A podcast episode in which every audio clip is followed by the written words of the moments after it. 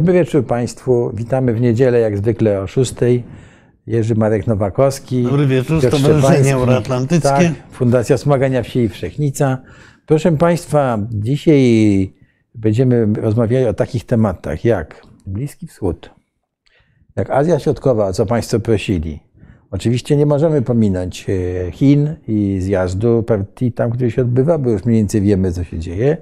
No, No, i na, aczkolwiek tak naprawdę dowiemy się za tydzień, dlatego Tak. że zjazdy chińskie są zamknięte i bardzo często pojawiają się przeróżne niespodzianki. Tak, no ale y, z tego co wiemy, to właściwie wszystko się ustala przed zjazdem, także to jest tylko w tej chwili trochę teatr, nie? No, trochę teraz, ale 3000 delegatów. No. y, Sytuacja nie najłatwiejsza w Chinach, więc zobaczymy, jak Zobacz- będzie zobaczymy, wyglądało. jak będzie wyglądało. No, I na koniec jeszcze porozmawiamy o ostatnich y, wydarzeniach czy informacjach dotyczących, dotyczących tam wycofywania obywateli z Ukrainy przez różne państwa. Być może to jest fake news, by- być może nie, ale No y, właśnie, bo mamy piękną pogodę, wspaniałą niedzielę i pa parę bardzo niepokojących informacji, takich o tym, że poważne kraje jak Chiny czy Indie wezwały swoich obywateli do wyjazdu z Ukrainy. Y, Czy to jest wiadomość pewna? No krąży na razie po internecie. Y, Parę razy już takie, takie informacje były bardzo sensacyjne, potem niepotwierdzone. Podobnie jak po internecie krąży inna rzecz. I to w kilku No to miejscach było. od tego, co miało być na tak, końcu. ale to tylko zapowiemy, a potem będziemy. Mianowicie, że e, w niektórych dzielnicach Moskwy mieszkańcy zostali poproszeni, żeby w ciągu najbliższych dwóch dni zabrali, nie, trzech dni, do 18, żeby zabrali samochody z garaży podziemnych, bo garaże podziemne będą przygotowywane na potrzeby wojny, czyli na schrony e, dla e, mieszkańców. Zobaczymy, co z tego wyniknie, ale brzmi to niepokojąco. Dobrze, to zaczynamy, ale chciałbym zacząć od y, informacji dla pani Katarzyny Zielińskiej, która w zeszłym roku, którą przygotowaliśmy. W zeszłym tygodniu pani Katarzyna Zielińska wymieniła taki, e, pytała nas o Pax Europea. E, I pani Katarzyno, bardzo polecamy pani książkę y, historyka Profesora Piotra Wandycza. Tak, to jest amerykański historyk, który pisze To po jest de facto polski, po, po, polski historyk pracujący w Ameryce, czy amerykański z pols, polskiego Tak, pochodzenia, książki- znakomity zresztą. Te książki, tę książkę napisał po polsku i książka nazywa się Pax Europea i obejmuje okres e, dzieje systemów międzynarodowych od roku 1815 do roku 1914. Można ją dostać w, w internecie, niestety nie jest w otwartych zasobach, a innym państwu, którzy interesują się historią Europy Środkowo-Wschodniej i to jest też książka, o którą chcę, chcę powiedzieć w kontekście tych wszystkich y, pomysłów na Międzymorza, Trójmorza i tak dalej. Też Piotr Bandycz napisał y, Cena Wolności, książeczkę. To jest historia Europy Środkowo-Wschodniej od średniowiecza do współczesności. Ta książka jest o tyle interesująca, że ona pokazuje, jak różne były y, dzieje i czasami sprzeczne narodów y, Europy Środkowo-Wschodniej, łącznie z naszymi e, przyjaciółmi Węgrami i y, też jest tutaj, no to jest taka baza, jak ktoś zaczyna mówić, prawda, o pomysłach e, Trójmorza, Międzymorza i tak dalej, to tutaj jest taka baza, żeby wiedzieć, jak różna była ta historia i jaką to jest przeszkodą. Swoją drogą ta książka ma również wersję angielską e, i e, zabawna historia, bo e, ja ją wysyłałem kiedyś do Mombasy. Mianowicie e, w, e, w czasie zwiedzania e, Starego Miasta w Mombassie w Kenii podszedł do mnie przewodnik no i zaczęliśmy coś rozmawiać na temat Europy Środkowej. On mówi, że on studiował historię, on nic nie wie w ogóle o naszym regionie.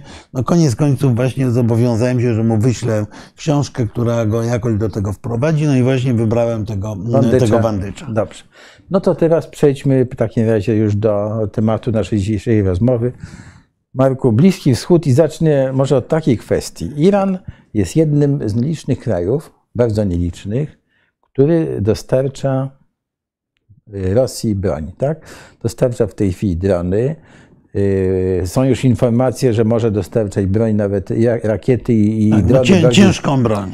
tak, i ciężką broń. I jakie są tutaj interesy ma, mamy przed sobą mapę w tej chwili, jakie są tutaj interesy Iranu, a potem e, e, prowadzimy sobie takie, zrobimy mapkę, mapę taką, e, zmapujemy i zobaczymy, wiesz, Iran, Saudi Arabia, inne kraje i tak dalej, i tak dalej. Bo bo w ogóle to- region, region się oczywiście, jak gdyby, jeszcze powiem w, his, w historii, region się jak gdy jest, no, wymyka się z, pod kontroli, staje się ba- bardziej samodzielny, natomiast Arabia Saudyjska mm, e, no, po raz pierwszy w historii, prawda, jest, jest, postawiła się w cudzysłowie e, Stanom Zjednoczonym, no ale sam region jest przecież bardzo, bardzo, bardzo ma skomplikowane Więc e, za- zacznijmy od, e, od e, sformułowań. Mianowicie w Polsce mówimy o Bliskim Wschodzie. I tak naprawdę, jak myślimy o Bliskim Wschodzie, to myślimy o Izraelu, Jordanii, Egipcie, paru krajach skupionych na tym przesmyku łączącym Azję i Afrykę.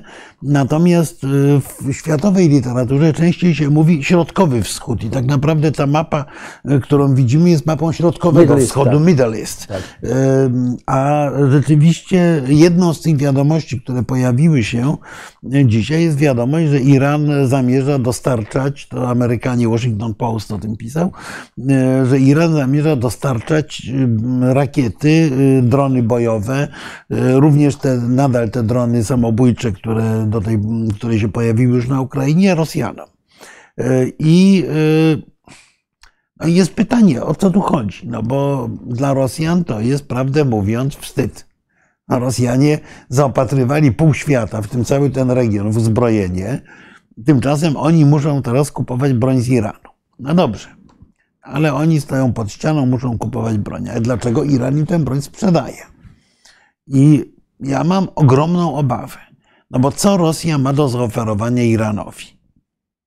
Tak naprawdę bardzo niewiele, gorzej. Rosja z Iranem jest de facto konkurentem, dlatego że y, oba kraje są objęte w tej chwili embargiem, oba próbują sprzedawać ropę na rynkach międzynarodowych dla tych krajów, które embarga nie uznają, czyli na przykład do Chin i Indii, y, i są de facto konkurentami na rynku ropy i gazu, czyli tego, co jest najważniejszą częścią eksportu w obu tych krajach. I ja mam pewną obawę, bo właściwie jedyną rzeczą, jaką mógł Irańczykom zaoferować Władimir Putin, który nie ma w tej chwili broni, bo ją zużył. To jedyną rzeczą, którą Putin mógł zaoferować, są technologie nuklearne. Iran od dawna deklaruje, że chce mieć własną bombę atomową. I prawdę mówiąc, ja nie wiem, co innego Rosjanie mogli zaoferować Irańczykom poza właśnie technologiami nukle- nuklearnymi. No a to by było oczywiście po pierwsze głębokie naruszenie traktatu o nierozprzestrzenianiu broni atomowej, ale po drugie, to by było działanie, które najprawdopodobniej doprowadziłoby do funda- fundamentalnego i trwałego konfliktu pomiędzy Izraelem a Rosją. Izraelem, który do tej pory nawet wobec wojny w Ukrainie był bardzo wstrzemięźliwy, jeśli idzie o krytykę. Izraelem, który e, generalnie e, miał lepiej, lepsze niż dobre stosunki z Rosją Putina. No, pogłębienie współpracy z Iranem jest dla Izraelczyków oczywiście policzkiem.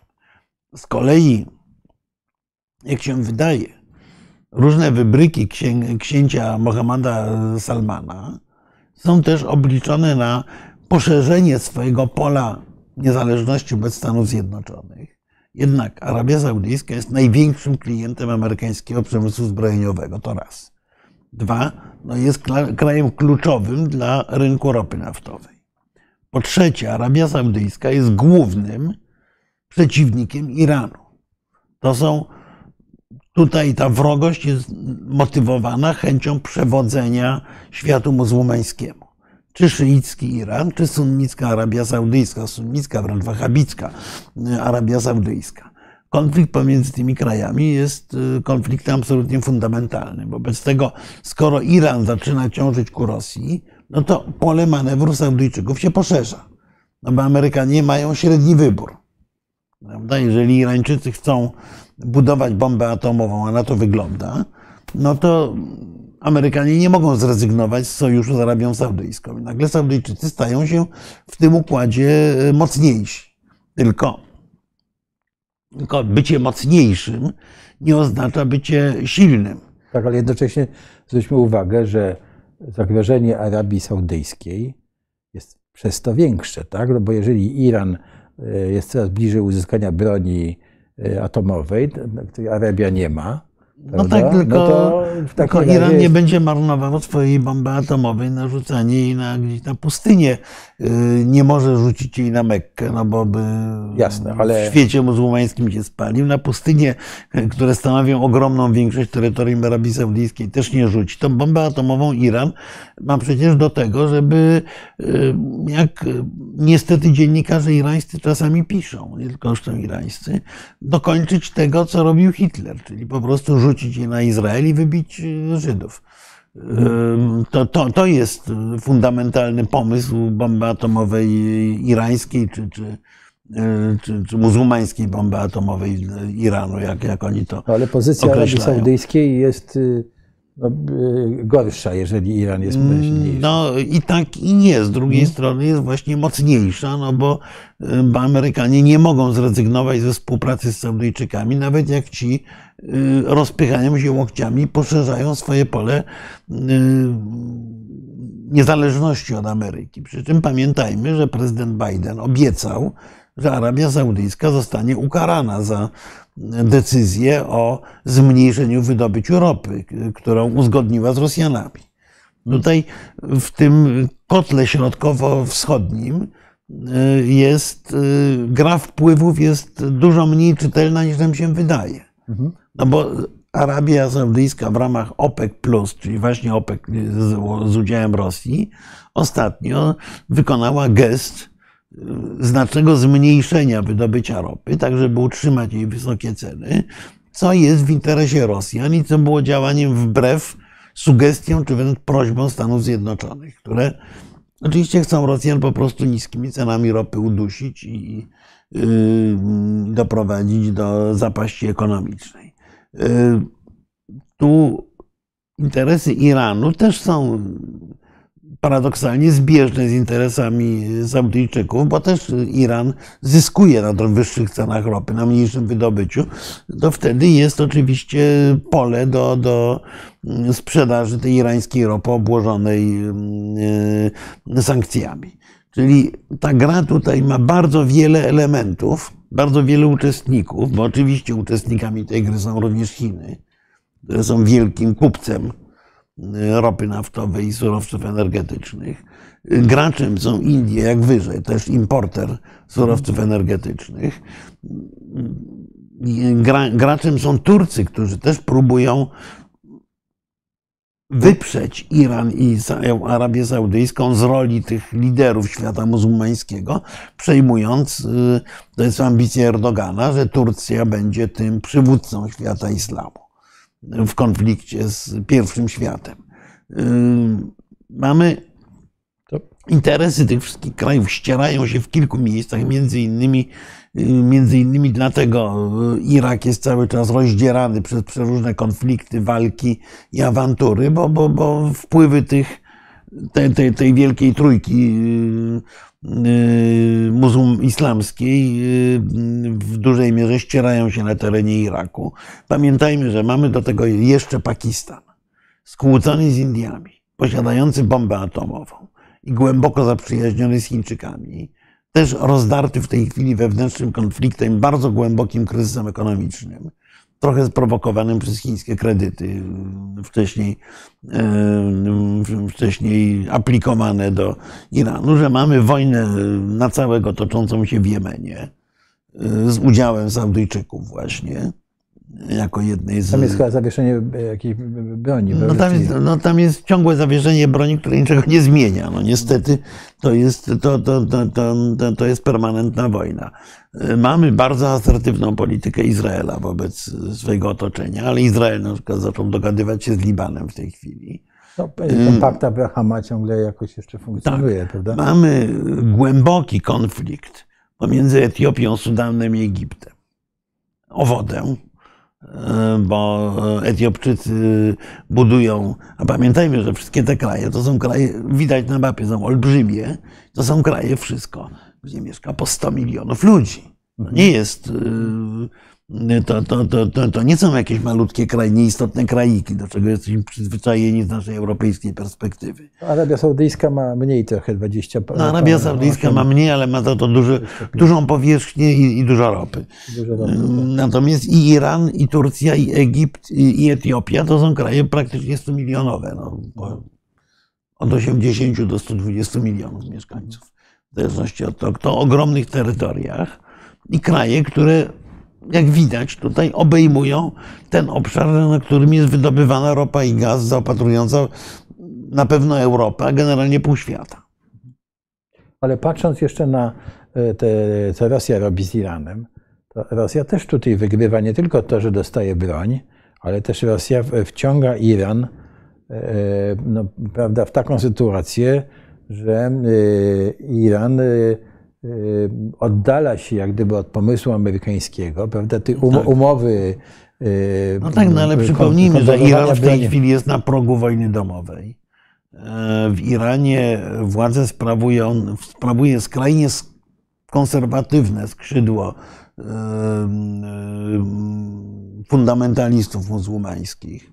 Iran jest w tej chwili od kilku tygodni, wstrząsany permanentnymi demonstracjami. Tu już są setki ofiar na ulicach. Y, młode pokolenie, praktycznie całe, wypowiedziało posłuszeństwo mułłom. Y, kobiety palą hijaby, obcinają włosy.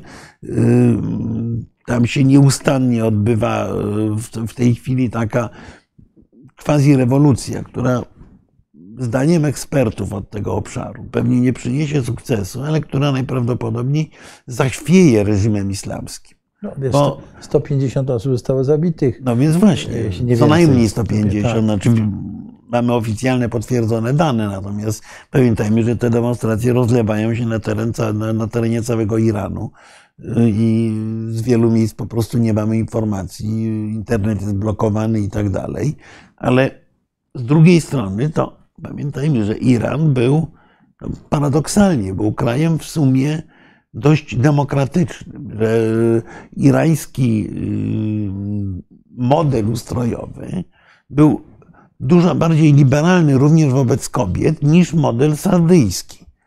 O ile Saudyjczycy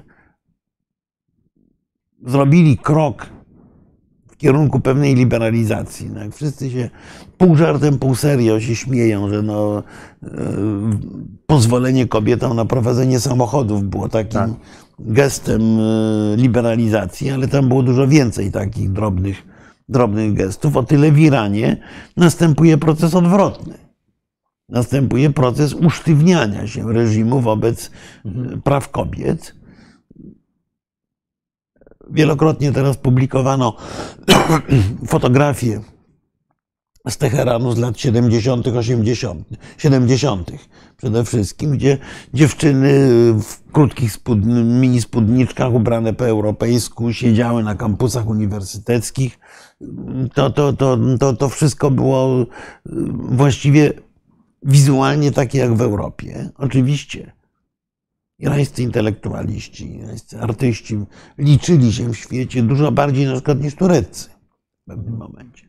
I to zostało najpierw przyduszone przez rewolucję islamską, która miała ogromne poparcie społeczne. Ale, tak jak pisał Kapuściński w swoim Szachin Szachu, wtedy decyzję podejmował bazar, czyli ta irańska klasa średnia. Otóż irańska klasa średnia była w sumie bardzo patriotycznie nastawiona w momencie, kiedy Iran był objęty sankcjami. I teraz ta irańska klasa średnia zaczyna przyłączać się do, kobiet, do protestów kobiet. Więc o ile diagnoza Kapuścińskiego sprzed ponad pół wieku jest prawdziwa, to ta zmiana nastawienia teherańskiego bazaru czy Meskeckiego Bazaru, bo to głównie są duże miasta, może sprawić, że w ogóle reżim irański się zachwieje. To też może być jeden z powodów takiego, a nie innego zachowania Iranu. Bo Iran, zgadzając się na warunki amerykańskie, Iran musi niewątpliwie wykonać pewne gesty liberalizujące relacje wewnętrzne. A w tej sytuacji, jaka jest, jest jest, mułłom jest bardzo trudno, bo to oznacza dla nich, ale również dla potężnej organizacji strażników rewolucji, tych policji, moralności i tak dalej, oznacza ryzyko, jeżeli nie utraty, to znaczy go zmniejszenia posiadanej władzy.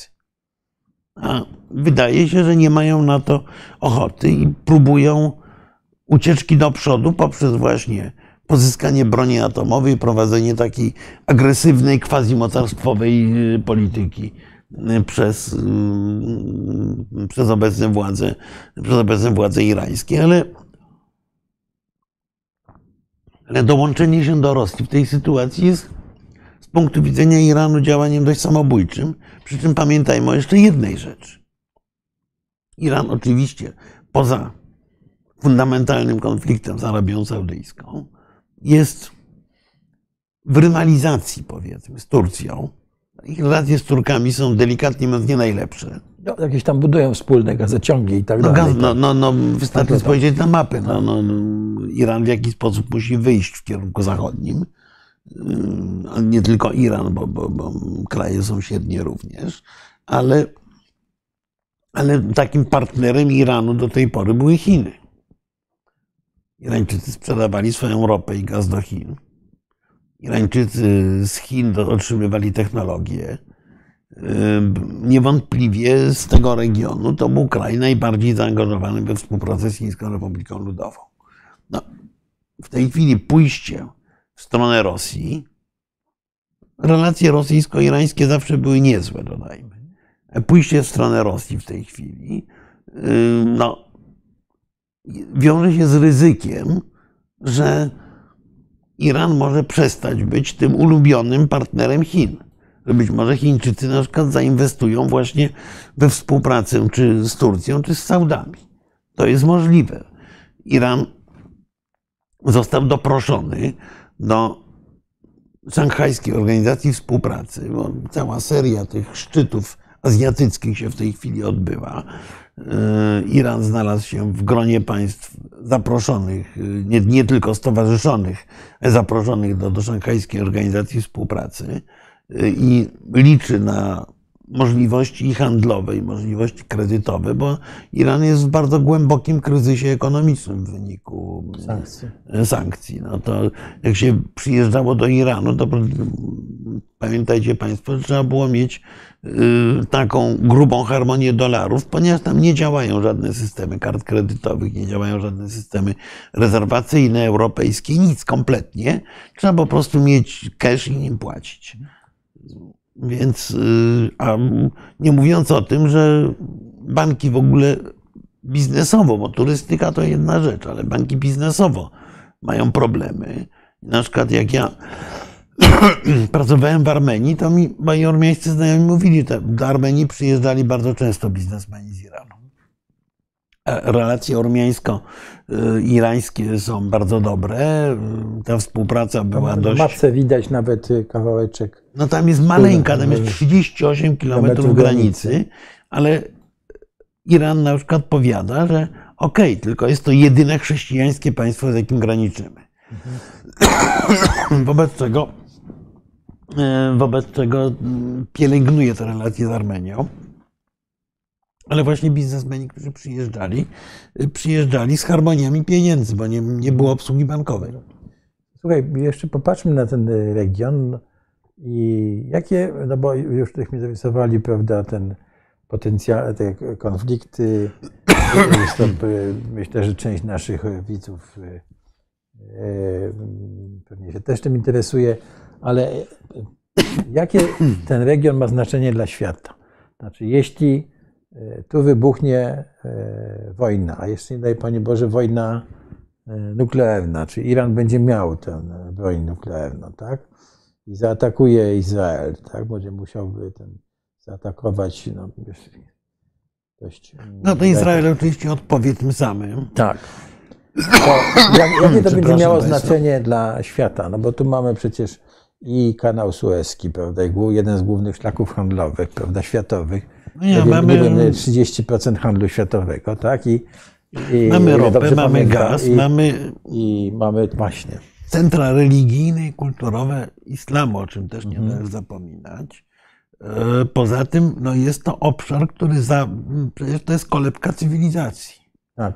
Zarówno ten obszar, jak Azja Środkowa, to jest obszar, w którym rodziły się wielkie imperia, rodziły się wielkie cywilizacje. E, Fantastyczne zabytki zupełnie, które teraz w dużej części są niedostępne do, do, do, do, oglądania. Mhm. To jest obszar, poza tym, który łączy komunikacyjnie nie tylko przez kanał Suezki, ale również przez szlaki lądowe y, Europę z Azją tak naprawdę. To jest główne wyjście lądowe Indii na świat. Pamiętajmy, że Indie ogromną część granic mają w Hindukuszu y, czy, czy w y, Himalajach, gdzie no, tak. granica ładnie wygląda na mapie, ale jest y, nieprzekraczalna tak naprawdę. Dla, dla dużego handlu na pewno, tak. Mamy obszar rywalizacji mocarstw, bo e, jak spojrzymy tutaj na e, Gruzję, Armenię, Azerbejdżan, Turcję, e, czyli te mniejsze kraje, to one są to kraje, które próbują uciekać w różnych kierunkach, uniezależniając się od sąsiednich mocarstw. E, Był to zawsze od przynajmniej 150-200 lat obszar, na którym rozpoczynały się wielkie konflikty. Tylko 150-200 lat temu to był obszar rzadko zamieszkały przez y, y, pasterzy Beduinów.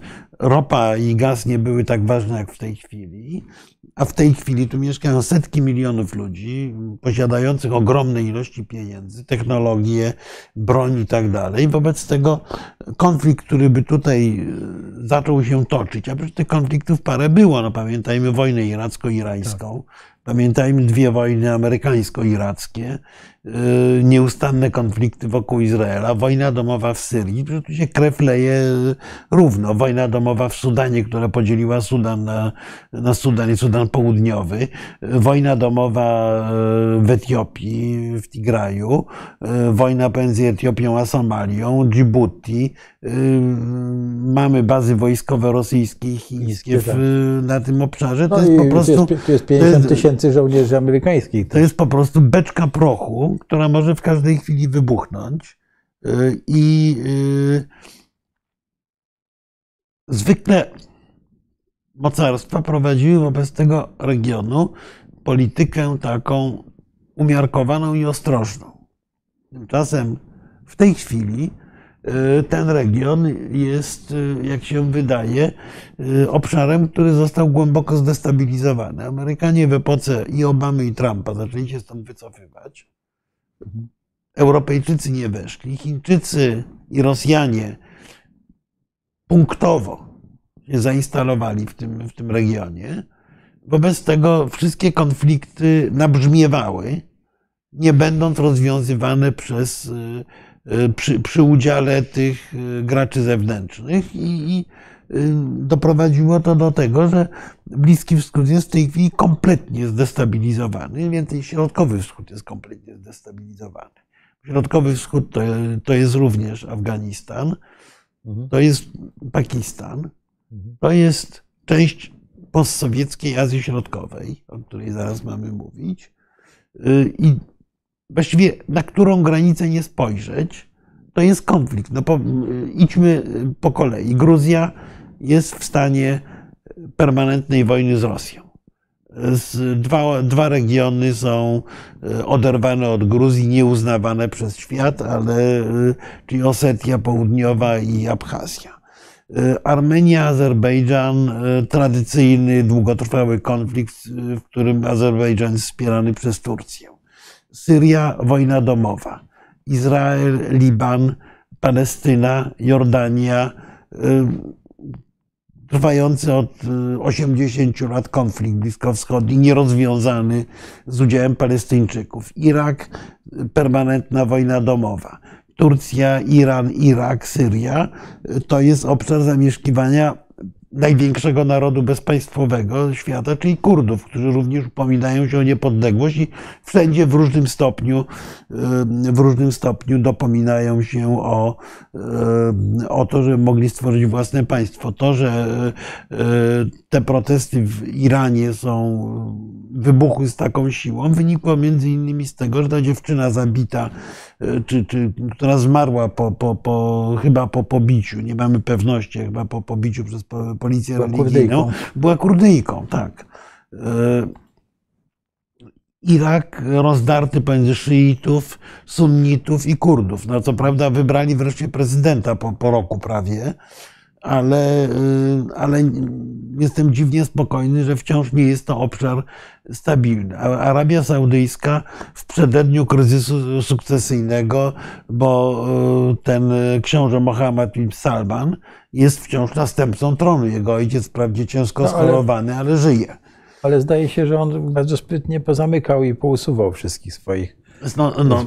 No, no tak, tylko to oznacza, że e, trwa coś, co przypomina e, opowieści z serii Gra o Tron.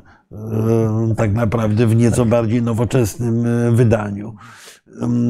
Oman się stabilizuje po śmierci starego sułtana, który stworzył z Omanu taką enklawę spokoju, ale, ale dopiero. Prawda? Tak, ale dopiero teraz jego, jego syn próbuje ustabilizować władzę. Pamiętajmy, że sukcesja w monarchiach absolutnych jest rzeczą ważną.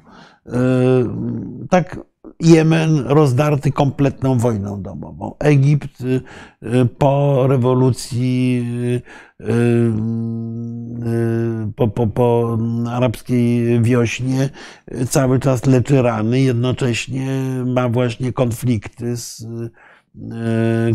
konflikt z Etiopią związany z wykorzystaniem wód Nilu. Sudan, permanentna wojna domowa. No, Róg Afryki wiadomo od dawna, że to jest, y, to, to, to jest jedna wielka awantura. Iran rozsadzany konfliktem wewnętrznym coraz bardziej, y, osłabiony przez sankcje.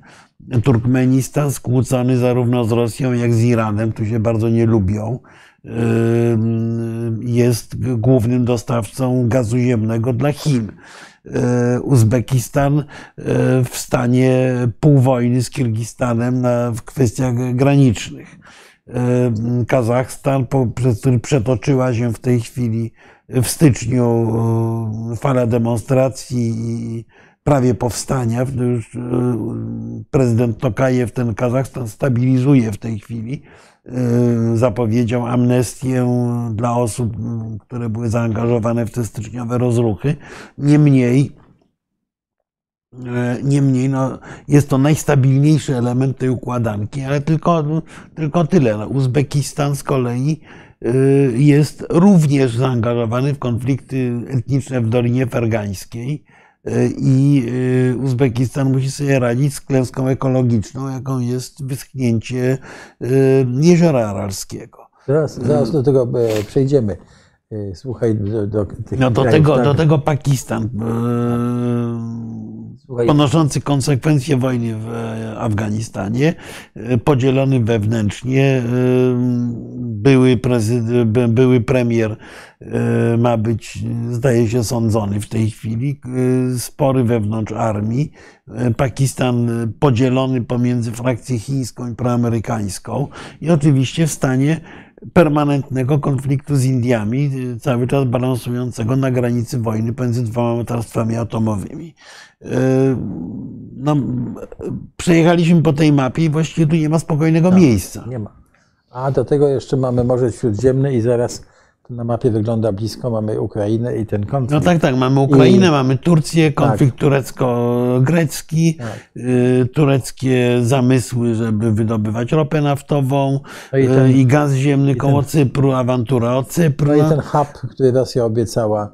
E, mm, prawda, no, to, to Rosja zaproponowała, ale wydaje się, że entuzjazm turecki jest ograniczony do tego hubu, bo, bo Turcy sobie zdają sprawę, że nie bardzo mieliby dokąd transportować ten rosyjski gaz, żeby na nim zarabiać zarabiać.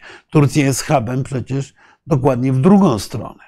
Turcja jest tym obszarem, przez który ropa naftowa z Azerbejdżanu i ropa i gaz z Azerbejdżanu są eksportowane na zachód z pominięciem Rosji. To jest jeden z głównych, głównych celów polityki rosyjskiej przez całe ostatnie dekady. To było niedopuszczenie do tego, żeby e, niezależnie od Rosji kraje e, Azji Środkowej i Kaukazu mogły eksportować swoje surowce energetyczne.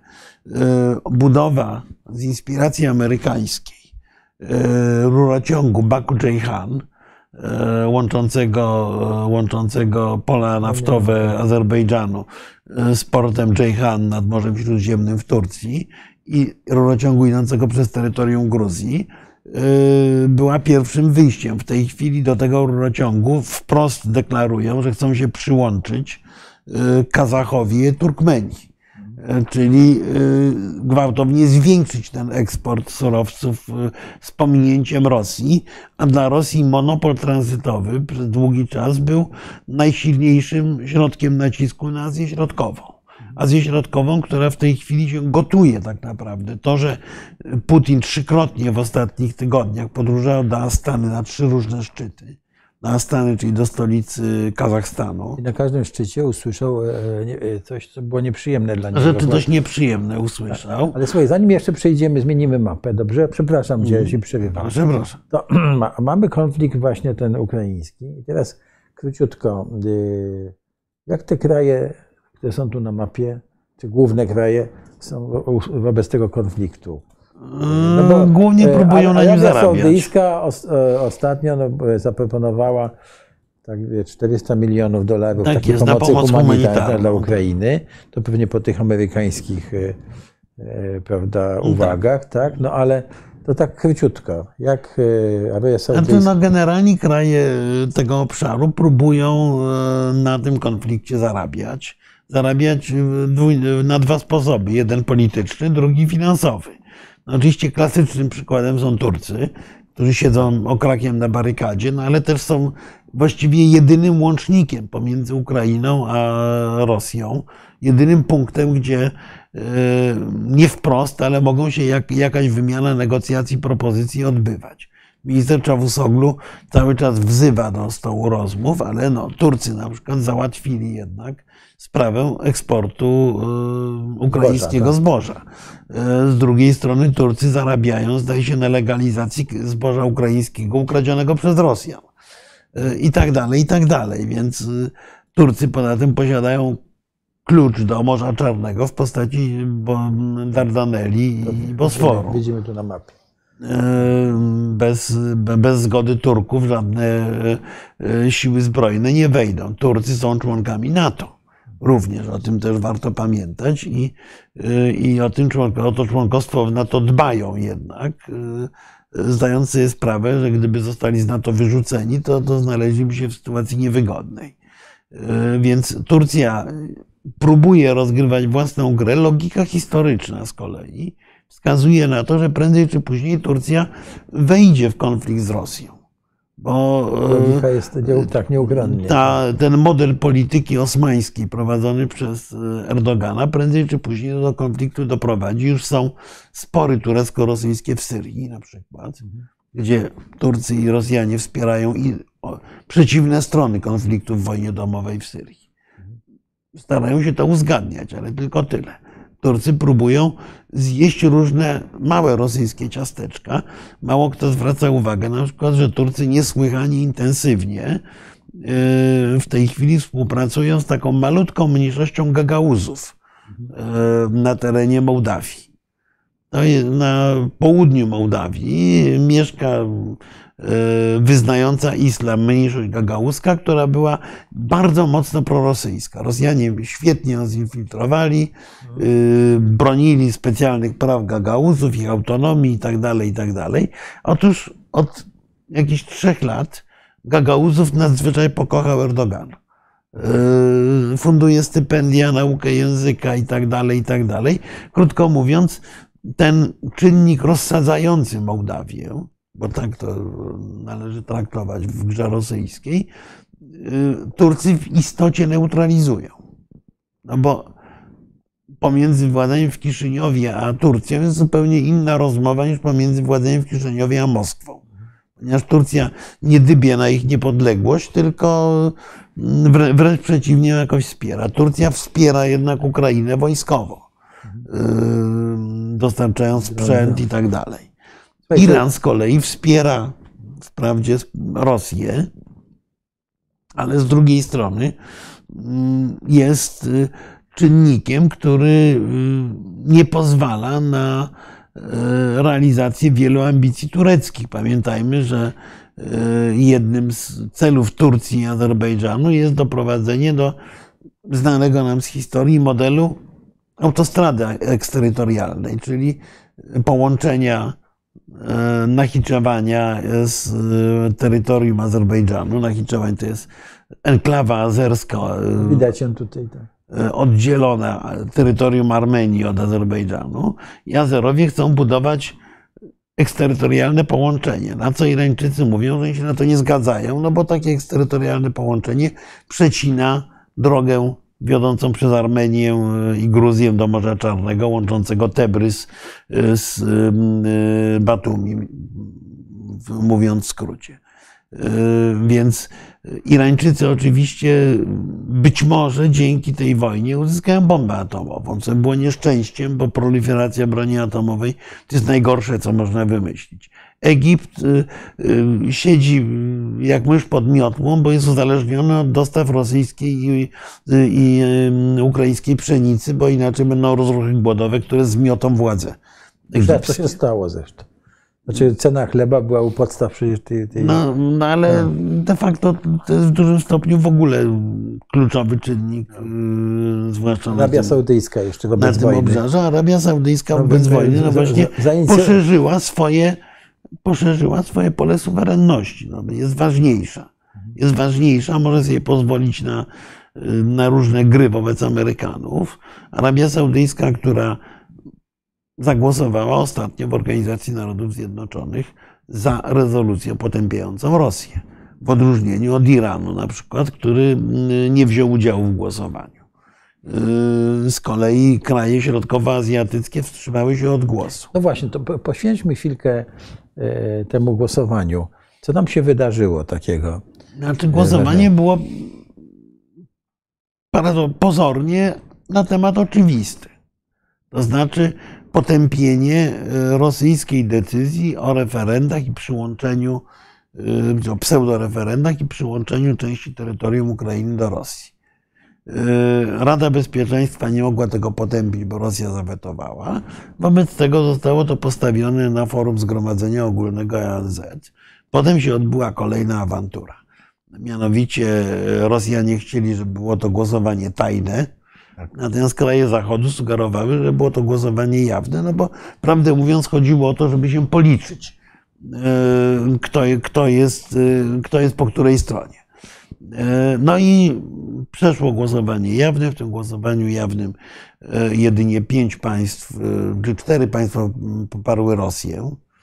To była Korea Północna, Nikaragua, Syria, i kto jeszcze? Nie pamiętam, nie, nie. Chyba Erytrea. Ale, e, ale grupa państw się wstrzymała od głosu albo nie wzięła udziału w głosowaniu. To był Iran między innymi. Iran nie, nie wziął udziału znaczy, w głosowaniu. Udziału Turcja zagłosowała z Zachodem. Egipt wstrzymał się od głosu. E, Azerbejdżan nie wziął udziału w głosowaniu, podobnie jak Iran, może się nie lubią wzajemnie. Armenia wstrzymała się od głosu. Kazachstan, y, Kazachstan wstrzymał. Wszystkie kraje Azji Środkowej wstrzymały ale, się od głosu. Ale było świetne przemówienie Tokajewa, nie wiem, czy zwróciłeś tak. uwagę. Takie, które on mówił, prawda, no takie o, o suwerenności. No bo, no bo Kazachstan y, ma świadomość, że jeżeli Tokajew Rosjanie... Właściwie, właściwie w tym przemówieniu, które było bardzo dyplomatyczne, ale w zasadzie potępił jednak e, no tak, tak. Rosję. Tak, tak ale on nie wstrzymał się od głosu, podobnie jak Chiny i Indie. Tak. Więc tutaj wielkie kraje tego regionu wstrzymały się od głosu generalnie. no jak mówię, Syria poparła Rosjan, Turcja poparła Zachód, Egipt się wstrzymał, Arabia Saudyjska poparła Zachód, wstrzymały się chyba Emiraty Arabskie, z tego co pamiętam. No i, i kraje środkowoazjatyckie wszystkie wstrzymały się od głosu, bo z państw tego no regionu postsowieckiego, to zmieniamy, Gruzja i Mołdawia to zmieniamy mapę, głosowały z zachodu. Przenosimy się do... A, tu się zatrzymamy na chwilkę. Czy no to, tutaj tak. To, wrócimy to jest, do tego, jak wolisz teraz To, to jest bardzo prosta mapa wskazująca na jedną rzecz. Mapa zresztą stara, bo jeziora aralskie oczywiście nie jest tak imponująco duże, jak w tej chwili zobaczymy to na, na następnej mapie. Natomiast to jest mapa pokazująca jedną rzecz. E, pokazująca poziom uzależnienia Azji Środkowej od wody. Bo cała Azja Środkowa jest, no z wyjątkiem północnego Kazachstanu oczywiście, który właściwie geograficznie mieści się bardziej w obszarze syberyjskim niż, niż czy step, stepu mhm. środkowo, środkowoazjatyckiego i wschodnioeuropejskiego niż, e, niż tej klasycznej Azji Środkowej, ale właściwie od wody z tych dwóch rzek zależy funkcjonowanie całej, całego tego regionu, który jest pokryty e, głównie, e, głównie pustyniami i górami. I e, źródła wody znajdują się tak naprawdę w dwóch krajach, w Tadżykistanie i w Kirgistanie, dwóch absolutnie najbiedniejszych państwach Azji Środkowej, ale od tej wody są uzależnieni wszyscy na, na, tym, na, na tym regionie. Amu, Amudaria, tak jak Państwo widzą, płynie rozdzielając dwie pustynie. Pustynię Karakum i Kyzyłkum. Jest rzeką, która przechodzi przez obszar, który był jedną z kolebek cywilizacji. Dzięki tej rzece, dzięki Oksosowi, bo, bo tak ona się w starożytności nazywała, to był obszar na tyle atrakcyjny, że od Aleksandra Wielkiego wszyscy próbowali go zdobyć. Z kolei Syrdaria e, pozwala na istnienie rolnictwa w południowym Kazachstanie.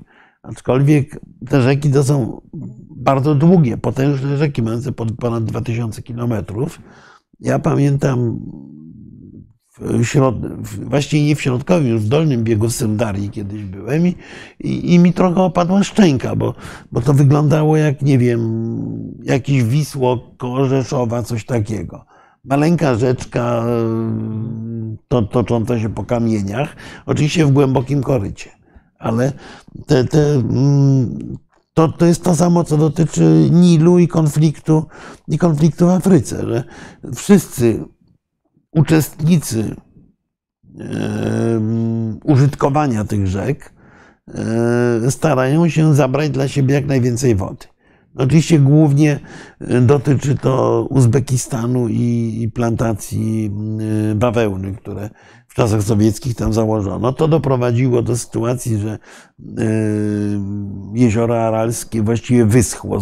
Została niego jedna piąta. Przyczyny tej katastrofy to było właściwie taki projekt sowiecki nawadnienia tych pól. Tak, tak, tak. No, nawadniono pola, nawadniono zresztą pola również e, w Kazachstanie, Syrdarii, aczkolwiek Syrdaria, bo Amudaria w ogóle latem wysycha na tym ostatnim odcinku. Przestają dostarczać wodę do, do Czegoś, co było Morza kiedyś, Aralskiego. To było kiedyś Morzem Aralskim. Tak, no było to definiowane jako Morze Śródlądowe, tak jak Morze Kaspijskie.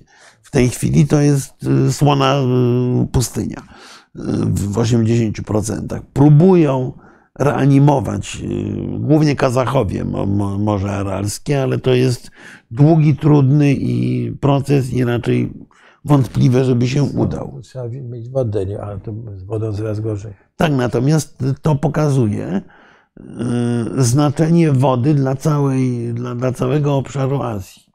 Bo tak naprawdę y, Bliski Wschód to jest ten sam, ten sam stworzony przez Tygrys i Eufrat.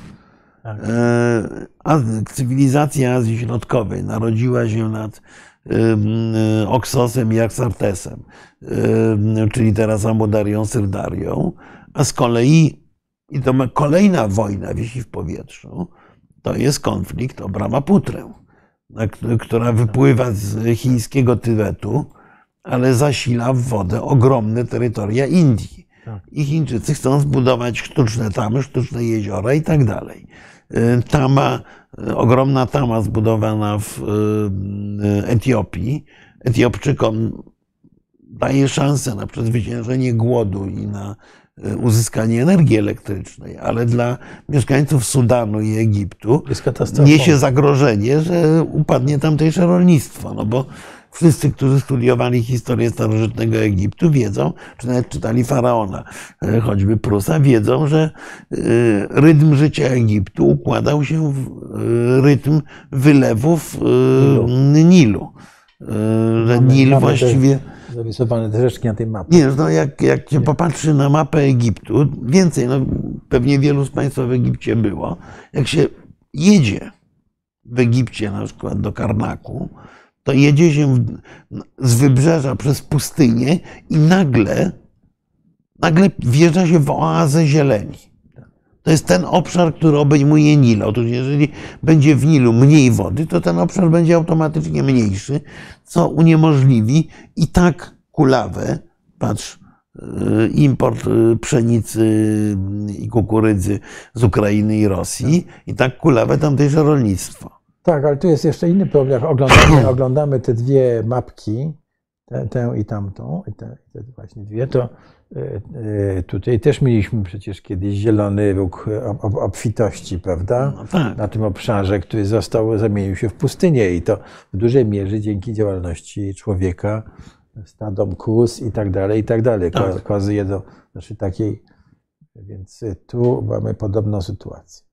To teraz y, no właśnie, o, tu, tu, już widać to e, Morze Aralskie w stanie obecnym, czyli.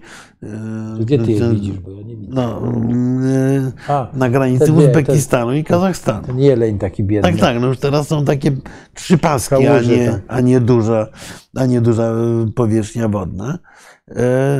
Macie Państwo mapę Azji Środkowej. Azji Środkowej, która jest rzeczywiście w tej chwili w, Polsce jest w ogóle zapomniana, ale która wygląda na to, że zaczyna być jednym z istotnych czynników międzynarodowej polityki.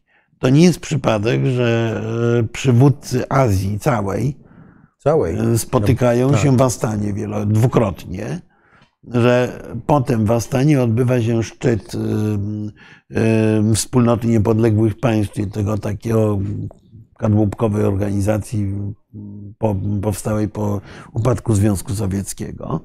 E, no bo Azja Środkowa była przez całe lata traktowana przez Rosję jako oczywisty obszar kolonialny, no nazwijmy to brutalnie. Czyli nawet po rozpadzie Związku Jak Radzieckiego... tak mówić, przecież Rosjanie nie, nie mieli kolonii. No nie mieli kolonii, ale mieli kolonialny stosunek do no, narodów sąsiednich. Ale y, ja to widzę takie powolne, wiesz, y, konsekwentne wzrastanie i wkraczanie Chin na ten obszar, prawda? To jest tak. To jest w ogóle... Znaczy, ja myślę, że te przemówienia Właśnie, co nam prezydenta Tokajewa, ale nie tylko, bo bardzo ciekawe było wystąpienie Emamalego Rahmona. No właśnie. E, on się nazywał kiedyś Rahmonow, ale stadżyczył swoje nazwisko, a właściwie chyba wcześniej zrucyfikował. Tak naprawdę przywódcy Tadżykistanu. Tadżykistan to jest absolutnie najbiedniejsza republika postsowiecka. E, ja sobie wynotowałem. E, PKB e, na głowę w Tadżykistanie nominalne wynosi 795 dolarów. To jest poziom afrykański, albo nawet gorzej niż afrykański. Według parytetu siły nabywczej to jest 4600. To jest najmniej na całym obszarze byłego Związku Sowieckiego, nawet druga, druga drugi, jeśli idzie o, o, te, o tą biedę, Kirgistan dwa kraje, które są dawcami wody, przypominam, dla całego regionu. Y, nawet Kirgistan ma ponad 5,5 tysiąca dolarów na głowę tego, tego PKB y, z uwzględnieniem parytetu siły nabywczej. Y, no i Tadżykistan jest krajem małym, tylko Tadżykistan to 10 milionów mieszkańców. Co więcej, Tadżykistan, jak Państwo widzą na mapie, ma taką powyginaną, po, po, powyginaną bardzo granicę bo ten obszar e, pomiędzy Uzbekistanem, Kirgistanem i Tadżykistanem to jest obszar e, tak zwanej kotliny fergańskiej. Od paru tysięcy lat będącej sercem Azji Środkowej, bo tam są bardzo dobre warunki rolnicze. Tam mieszka znaczna część ludności wszystkich tych trzech krajów. E, I oczywiście granica jest tak poprowadzona z enklawami po, po, po, po, po jej stronach, że właściwie musi generować, y, musi generować konflikty pomiędzy poszczególnymi krajami. To jest jeden z klasycznych modeli y, polityki sowieckiej, która pomiędzy republikami narodowymi miała generować konflikty. Ale Chiny i Rosja. Otóż generalnie było tak, że pod względem, nazwijmy to kulturowym, te kraje obawiały się Chin. No bo od tysięcy lat Chiny były y, tym mocarstwem, które ciążyło nad tym obszarem. Rosja jest tam obecna od lat niecałych 200. Y, natomiast jeszcze właśnie dodajmy jedną rzecz. Ten biedny Tadżykistan jest oddzielny etnicznie, ponieważ cały obszar Azji Środkowej zamieszkają w większości ludy pochodzenia tureckiego z domieszką mongolską. Natomiast Tadżykistan, mówiliśmy przed chwilą o Iranie, to są Persowie. To jest naród yy, pochodzenia irańskiego. I Tadżycy oczywiście są przekonani, pozostali też, o swojej wyższości etnicznej nad, nad, nad pozostałymi nacjami tego regionu. No, Polacy też są tak przekonani, że no tak, tylko, tylko tam jest to ja wiem, wiem, konflikt to... mający y, setki, y, historię setek lat przeróżnych gigantycznych imperiów, które tam powstawały. Bo tam było imperium mongolskie, było imperium y, właśnie perskie i było imperium turańskie Tamerlana. Wszystkie rodziły się tam tak naprawdę, bo, bo przypominam, że e, imperium e, perskie, to które znamy z, z wojen e, grecko-perskich, rodziło się tak naprawdę, tak naprawdę na obszarze Baktrii i Sogdiany, a dopiero potem wędrowało dalej. A Baktria i Sogdiana to jest pogranicze Uzbekistanu i Turkmenistanu. No, tak. o czym zwykle ucząc się historii nie pamiętamy. takim pre-Persami, tak?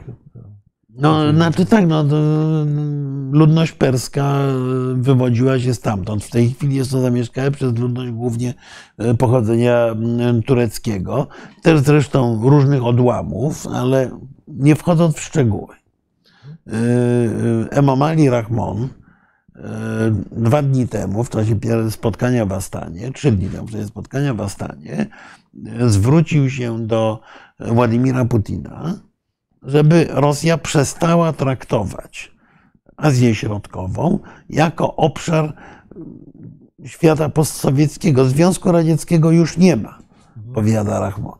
I tyle przebiło się w przekazie.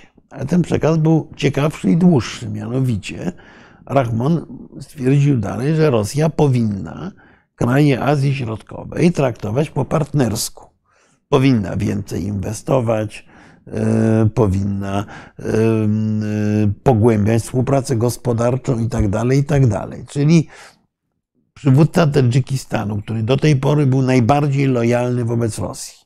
Pamiętajmy, że on był towarzyszył na przykład w czasie słynnej wyprawy do Kaliningradu, towarzyszył Władimirowi Putinowi. Nasze media tego nie zauważyły, ale Rahmon tak. był z nim. Rahmon był pierwszy, który przyjechał na urodziny Putina z życzeniami do, do, do Moskwy i tak dalej. Rahmon zgadza się na istnienie rosyjskiej bazy. Rahmon, koniec końców, jest między nami mówiąc, uzależniony od Rosjan, ponieważ granica Tadżykistanu z Afganistanem e, jest cały czas chroniona przez wojska rosyjskie, tak naprawdę, i przede wszystkim przez e, rosyjskie instalacje, które jeszcze za czasów sowieckich zostały założone, instalacje kontroli elektronicznej granicy, tak żeby można było zauważyć, jeżeli przenikają tę granicę na przykład talibowie. Bo przecież po drugiej stronie granicy w mm, Afganistanie też mieszka ludność perska i też Afganistan jest przemieszany pomiędzy Persów i, i, i ludność pasztuńską i uzbecką. Więc y, Rosja jest w jakiejś mierze gwarantem bezpieczeństwa Tadżykistanu, ale ten gwarant bezpieczeństwa jest dość marny, bo co prawda jest tam największa w regionie rosyjska baza, ale Tadżycy zgodzili się również na stworzenie pierwszej w regionie chińskiej bazy wojskowej. Niedużej. Kompania wojska. Ale Chińczycy stworzyli oficjalną bazę na terenie, na terenie Tadżykistanu. Bo jak Państwo patrzą na tą mapę, to ta mapa ma jeden istotny brak. Mianowicie cały ten obszar to są obszary bardzo wysokich gór. I to jest tak samo jak z konfliktem Armenia-Azerbejdżan, że czasami zapanowanie nad jednym wzgórzem oznacza kontrolę dużego terytorium. Wobec tego Chińczycy na tej górskiej drodze, yy, taką pętlą idącej przez terytorium Tadżykistanu, zbudowali niedużą bazę wojskową. Za zgodą oczywiście lokalnych władz. Bo z kolei Kirgistan kolejna bardzo biedna republika, e, długi czas próbował przyciągnąć Amerykanów. W Kirgistanie była nawet przez długi czas w Manasie baza wojskowa Stanów Zjednoczonych z kolei, którą Rosjanie była solą wokół Rosjan, ale Rosjanie ją w końcu doprowadzili do tego, że Kirgizowie ją wypchnęli. W każdym razie e, Kirgistan z kolei był taką enklawą demokracji na, na, na, na tym obszarze. I i Kirgistan, i Tadżykistan, i Kazachstan czują się z jednej strony zagrożone przez Chiny, ale z drugiej strony chińska polityka ekspansji gospodarczej, a nie militarnej prowadzi do tego, że te kraje coraz bardziej ciążą ku Chinom. I przecież jak był ten konflikt styczniowy w Kazachstanie, e, próba chyba doprowadzenia do przewrotu politycznego, który by dał władzę e, ludziom poprzedniego prezydenta Nazarbajewa, a obecny prezydent Tokajew miał być e, odsunięty od władzy. No, nie wyszło. I Rosjanie wprowadzili wtedy kontyngent wojskowy, który nie brał udziału w tłumieniu demonstracji. Ten kontyngent wojskowy był raczej pewnym sygnałem, że Rosja i całe tak zwane ODKB, czyli Organizacja Układu o Bezpieczeństwie Zbiorowym, popierają tę władzę Tokajewa. ale pamiętam wtedy dość intensywnie czytałem to, co pisali rosyjscy analitycy bliscy Kremlowi, więc oni popadli w zachwyt, że no, koniec tych wygłupów z niepodległością Kazachstanu to wprowadzenie, e, wprowadzenie oddziałów rosyjskich e, oznacza, że nareszcie tu będziemy mieli solidną bazę, będziemy nad tym wszystkim panowali, będzie spokój. No i nagle po tygodniu prezydent Tokajew powiada, no dziękujemy wam bardzo, jedźcie do domu. Tak, to było, no, to było uderzające. E, Dotychczasowa praktyka rosyjska była taka, że jak oni ludzie nie weszli, to nie wychodzili. Tak. A tymczasem tutaj uszy po sobie i wyjechali. No i dlaczego Pytanie, dlaczego? Otóż warto zwrócić uwagę, że minister spraw zagranicznych Chin w tym czasie wypowiedział się, że Chiny są absolutnie gotowe pomóc bratnim krajom, Kazachstanowi i Rosji. I Chiny przygotowują też kontyngent stabilizacyjny wojskowy, które mogą wysłać do Kazachstanu, żeby wesprzeć wszyscy, te, te, tych, którzy bronią stabilizacji i spokoju w Kazachstanie. Czyli tłumacząc z języka dyplomacji na język, na, na język normalnych ludzi, to było powiedzenie, że albo Rosjanie wyjadą, albo będą mieli Chińczyków na karku, którzy również tam przyjadą. Więc Rosjanie grzecznie wyjechali. Oczywiście Kazachstan czuje się głęboko zagrożony przez Rosję. Miejmy świadomość tego. Kazachstan to jest druga co, co do długości granica międzypaństwowa na świecie, pomiędzy Kazachstanem a Rosją. To jest ponad 7 tysięcy kilometrów. Dłuższa jest tylko granica amerykańsko-kanadyjska. I, I Rosjanie uważają znaczną część północnego Kazachstanu za swoje terytorium. Wobec tego Kazachowie z przerażeniem przyglądają się wojnie w Ukrainie, bo mają świadomość, że jak Rosjanie wygrają w Ukrainie, to się upomną o to, co uważają za terytoria rosyjskie znajdujące się w Kazach- na terenie Kazachstanu. A Kazachowie włożyli dużo wysiłku w to, żeby, żeby przesunąć ciężar polityczny Kazachstanu właśnie bardziej na północ. Tam jest cały czas spora mniejszość rosyjska, ale ta mniejszość rosyjska była z Kazachstanu wypychana. Na różne sposoby. Zresztą nie tylko z Kazachstanu, z większości krajów tego regionu Rosjanie byli na różne sposoby wypychani, bo po uzyskaniu niepodległości, tak, te kraje, zaczynając od początku, te kraje niepodległości tak naprawdę się nie, o niepodległość nie upominały. O ile Bałtowie, Ukraińcy, yy, narody Kaukazu Południowego w momencie rozpadu Związku Sowieckiego się upominały o niepodległość, to właściwie tutaj był spokój. Jedyne, jedyny wybuch, ale to jeszcze przed upadkiem Związku Sowieckiego, to były demonstracje Kazachstanie przeciwko nominacji sekretarza partii Kunajewa, czyli Rosjanina na pierwszego sekretarza partii. Prawdopodobnie stał za tym młody, aspirujący do, do tego stanowiska Nursultan Nazarbajew wtedy. Ale to były demonstracje krwawo stłumione i właściwie żadnego upominania się o niepodległość nie było. Rosjanie jest tłumili, tak? Wojska... Znaczy nie no, stłumili, Sowieci, no, no to, to, to, to były jeszcze wojska sowieckie, to właściwie tutaj trudno, trudno mówić, kto, jaki był, jak, jaka była kompozycja narodowościowa tych, tych, tych, tych wojsk.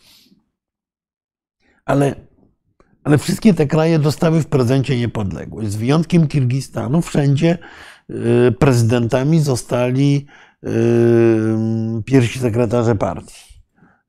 Partie komunistyczne łatwo, lekko i przyjemnie przekształciły się w partie demokratyczne, które były fundamentem władzy. Wszędzie ta władza była władzą, no, dyktatorską to mało powiedziane. W Turkmenistanie władza prezydenta Nijazowa, który od pewnego momentu kazał się tytułować Turkmenbaszą, to jest po prostu totalitaryzm właściwie porównywalny tylko z Koreą Północną. W Uzbekistanie to był bardzo twardy autorytaryzm, w Kazachstanie nieco bardziej miękki autorytaryzm, w Tadżykistanie twardy. W Kirgistan był jedynym takim lekko, lekko demokratyzującym się krajem, ale też w Kirgistanie nie było prostego transferu władzy, bo pierwszy prezydent Kirgistanu, Askar Akajew, to był naukowiec z Akademii Nauk, a nie aparatczyk partyjny. I tam rzeczywiście i rewolucje, i wybory potrafiły zmieniać władzę. Ale oczywiście też nie przesadzajmy z tą demokracją. Gdzie indziej tej demokracji nikt, nikt specjalnie nie zauważał jakieś elementy pojawiały się w Kazachstanie. W Uzbekistanie w tej chwili trwa ewolucja ku bardziej miękkiej formie e, rządów autorytarnych. Turkmenistan zamknął się kompletnie. W Turkmenistanie biedny Turkmenbasza umarł bezpotomnie. Rządy po nim objął jego dentysta. Gurbanbuły Berdy Muhammedow, ale Berdy, Muhammed, Berdy Muhammedow miał zdaje się kłopoty zdrowotne, wobec tego demokratycznie zrzekł się władzy i demokratycznie 99,6% obywateli wybrało na prezydenta jego syna. Także jest ciągłość dynastyczna. W Uzbekistanie też pierwszy przywódca Uzbekistanu, Islam Karimow, zmarł. Próbował doprowadzić do sukcesji też w rodzinie. Też nie miał syna. To jest jednak baczystowski obszar. U nas też nie ma syna. No. I próbował Gulnarę Karimową, swoją córkę, promować na osobę, która by była jego następcą, ale, ale została ona przez formalnego następcę Karimowa wsadzona do więzienia i w tej chwili chyba jest w, obozie koncentracyjnym po prostu. I, i ta, ten nowy, nowy system prezydenta Mirzojewa zaczyna być systemem, który lekko mięknie, który zaczyna dopuszczać jakąś dyskusję w ogóle. W Tadżykistanie od początku rządzi Rahmon, zwany wcześniej Rahmanowem, i tam to, to, to są rządy absolutnie klanowe. W Kirgistanie parę razy dochodziło do, do, różnych, do różnych rewolucji, a w Kazachstanie rządził Nursultan Nazarbajew, który przygotowywał swoją córkę Darigę jako następcę. No ale żeby to nie było przejście takie bezpośrednie, no to mianował, doprowadził do tego, że prezydentem został właśnie Kasym Tokajew, Żomar Tokajew, obecny prezydent Kazachstanu, a córka została wtedy szefową Senatu, czyli osobą numer dwa w państwie, jak roz... a sam Nazarbajew, który żyje, miał kłopoty zdrowotne, po prostu ustąpił. Został mianowany dożywotnim szefem Rady Bezpieczeństwa, dożywotnim opiekunem państwa i tak dalej. I ta rewolucja styczniowa pozbawiła go tych tytułów i również pozbawiła córkę tej, te, tego statusu przewodniczącej Senatu, czyli kandydatki na urząd, naturalnej kandydatki na urząd czyli, prezydenta. Czyli kobiety w dwóch przypadkach też tam się pojawiały. Tak, to nie, kobiety się pojawiały, tak, ale, ale no właśnie okazało się, że y, jednak nie były w stanie utrzymać sukcesji w, w ręku. Słuchaj, chciałem, żebyś jeszcze dokończył, bo chyba ci przerwałem. Y, jaki był message Czyli ten, tego, w Czyli tym przemówieniu. message był podwójny, po pierwsze. W tym przemówieniu wracamy Tak, do. tak, tak. do Tak, bo ja wszedłem w pewną tak, historię tak, tego tak. obszaru. Natomiast message był podwójny.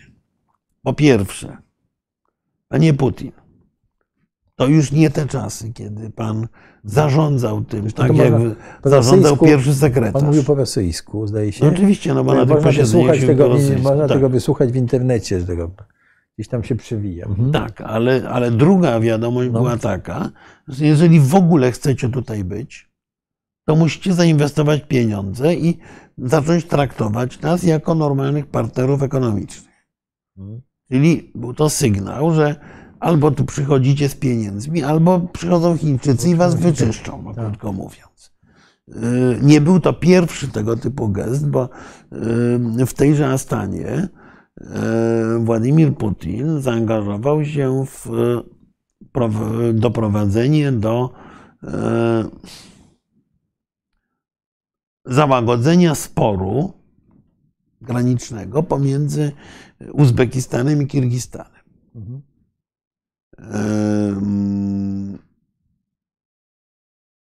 Zaprosił obu prezydentów, Mhm. Zajewa Dżaparowa, żeby usiedli przy stole, on jako mediator. Więc panowie usiedli, ale wzajemnie się nie przywitali. Yy, Wykonali kilka gestów takich dosyć nieprzyjemnych. Dżaparow kolejny raz, prezydent Kirgistanu, ostatnio naśladuje Putina i nas, tylko na spotkania z Putinem się regularnie spóźnia. Yy, A pamiętajmy, no Kirgistan to jest, to jest maluch, to jest 6 milionów mieszkańców, to jest kraj potwornie biedny. Yy, No, yy, Czyli mamy do czynienia z, ze wszystkimi sygnałami, że y, lekceważ... po, początku lekceważenia pewne Znaczy, dodajmy, jeszcze, dodajmy jeszcze kilka innych rzeczy, że y, ostatnio doszło do strzelaniny w jednej z y, jednostek wojskowych rosyjskich. No właśnie.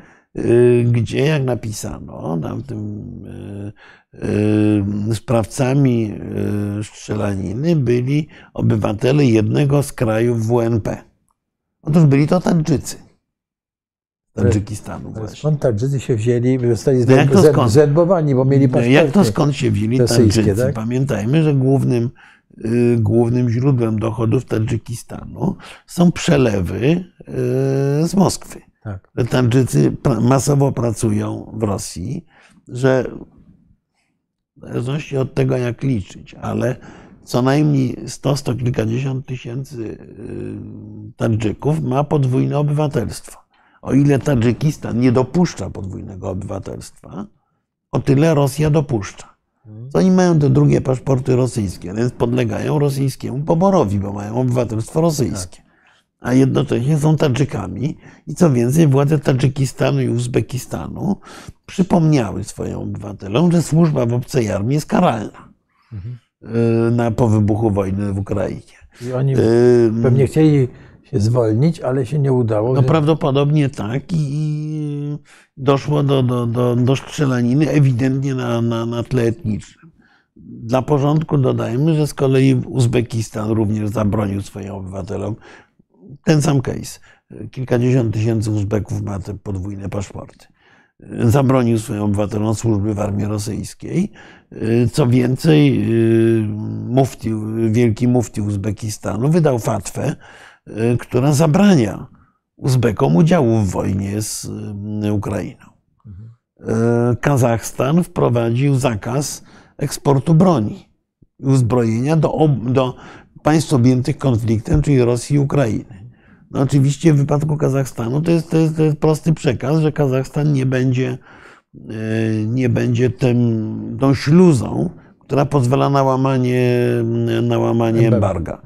E, Turkmenistan jest w ogóle dosyć osobnym bytem w tym wszystkim. Jest kompletnie odizolowany. Ma nie najlepsze relacje z większością krajów regionu. Turkmenistan był przez długi czas potwornie uzależniony od Rosji, bo Turkmenistan jest jednym z największych y, producentów i posiadaczy gazu ziemnego na świecie. Są, to jest pustynia w ogóle wszystko tak naprawdę, z wyjątkiem tego paska wzdłuż granicy z Uzbekistanem, gdzie przebiega y, Amudaria i A co na południu graniczy? Bo Iran. Iran, Iran to pust- pu- pustynia jest kontynent, gó- górs, górska pustynia, piękne, ym, piękne krajobrazowo tereny i głównie, g- głównie wypełnione pod, pod spodem gazem po prostu. Y, Turkmenistan przez długi czas był w sytuacji przymusowej, bo mógł eksportować gaz wyłącznie przez rosyjskie gazociągi przez Rosję. No bo też pamiętajmy, że na przykład do, do Indii no to są po drodze Himalaje. dobrze, teraz Natomiast teraz Turkmenistan dzięki współpracy z Uzbekistanem i Kirgistanem, yy, nie, Uzbekistanem i Kazachstanem, zbudował gazociągi do Chin. I Turkmenistan jest największym eksporterem gazu do Chińskiej Republiki Ludowej. Więc się kompletnie uniezależnił od Rosjan, a Rosjanie grabili tych Turkmenów w sposób potworny, bo pamiętajmy, że o ile koszt wydobycia e, tysiąca metrów sześciennych gazu w Turkmenistanie. To jest kilka dolarów, to koszt wydobycia tego samego gazu na półwyspie Jamał to jest 80 dolarów. Więc e, Rosjanie zmuszali Turkmenów do sprzedaży gazu po stosunkowo niskiej cenie, mieszali go niczym, ni- niczym kaczyński węgiel e, i, e, i, i sprzed- po, pozwalało im to na obniżanie ceny własnego gazu, własnych kosztów sprzedaży jak, gazu. jak rozumiem, e, e, Turkmenistanowi płacili niewiele, albo w ogóle nic. Znaczy nie, no, płacili, płacili, ale płacili zdecydowanie mniej niż, niż wynosiły koszty ich gazu. E, Jeszcze to widzimy na mapie Mo- Morze No Kaspijskie. właśnie. z którym był kłopot. Bo Morze Kaspijskie jest jeziorem. Przez 20 lat y, po upadku Związku Sowieckiego, czy ponad 20 lat, y, trwały dyskusje y, grupy państw Morza Kaspijskiego, czy jest to jezioro, czy jest to morze. Z pozoru śmieszna dyskusja, prawda? Tylko na morzu istnieją wody międzynarodowe, a jezioro jest podzielone pomiędzy poszczególne kraje w zależności od długości linii brzegowej. Więc Rosja i Iran były zainteresowane głównie w tym, żeby właśnie nie uznać, że jest to morze i żeby z Turkmenistanu do Baku, to widzicie Państwo, że pomiędzy portem Turkmenbaszy a Baku to jest ten naj, najwęższy odcinek Morza Kaspijskiego, żeby nie zbudować gazociągu i nie sprzedawać tego gazu na zewnątrz. Jest w końcu ten status Morza Kaspijskiego dwa lata temu uregulowano. Uznano, że jezioro podzielono na poldery. Uzgodniono, że mogą być poprowadzone gazociągi do tej pory i rurociągi, do tej pory ich nie ma, bo, bo tam były dodatkowe warunki. No, Turkmeni obeszli to wszystko właśnie wychodząc na rynek chiński. Ale oczywiście cały czas, cały czas kwestia połączenia z Baku jest aktualna i między innymi na tym pierwszym szczycie w Astanie były takie rozmowy kazachsko-turkmeńsko-azerskie na temat tego, że trzeba w końcu zbudować ten hub w Baku gazowo-naftowy. To Rosjanie proponując Turkom bycie hubem gazowym, przecież między innymi starają się zablokować tę, tę opcję bo Kazachstan z kolei jest no, dużym producentem ropy i też ta ropa y, oczywiście w znacznej części jest produkowana nad Morzem Kaspijskim. Pompowanie jej do Chin przez parę tysięcy kilometrów jest droższe niż puszczenie tego na tak. zachód przez, przez Azerbejdżan. Czyli to jest kluczowa rola samego Morza Kaspijskiego i, i możliwości transportowych. No jeszcze wspomnijmy o w tym tak sentymentalnych, że armia Andersa przepływała prawda, przez Morze tak, Kaspijskie. Tak jest, no bo w Buzułuku koło Orenburga była e, tworzona. To jest tuż przy granicy rosyjsko-kazachstańskiej, na, na, e, właściwie przy, przy Uralu tuż. E, I że oczywiście e, jest jeszcze jedna rzecz. Polacy na całym obszarze Azji Środkowej mają, a właściwie mieli, w tej chwili już trochę to się rozmyło, mieli niesłychanie dobry wizerunek stereotypowy. Polak, tak jak ja pamiętam swoje, swoje podróże do tego regionu w latach 90., Polak to był generalnie w oczach Kazacha, Uzbeka, to był taki porządny inżynier, który mieszkańców wioski uczył różnych rzeczy.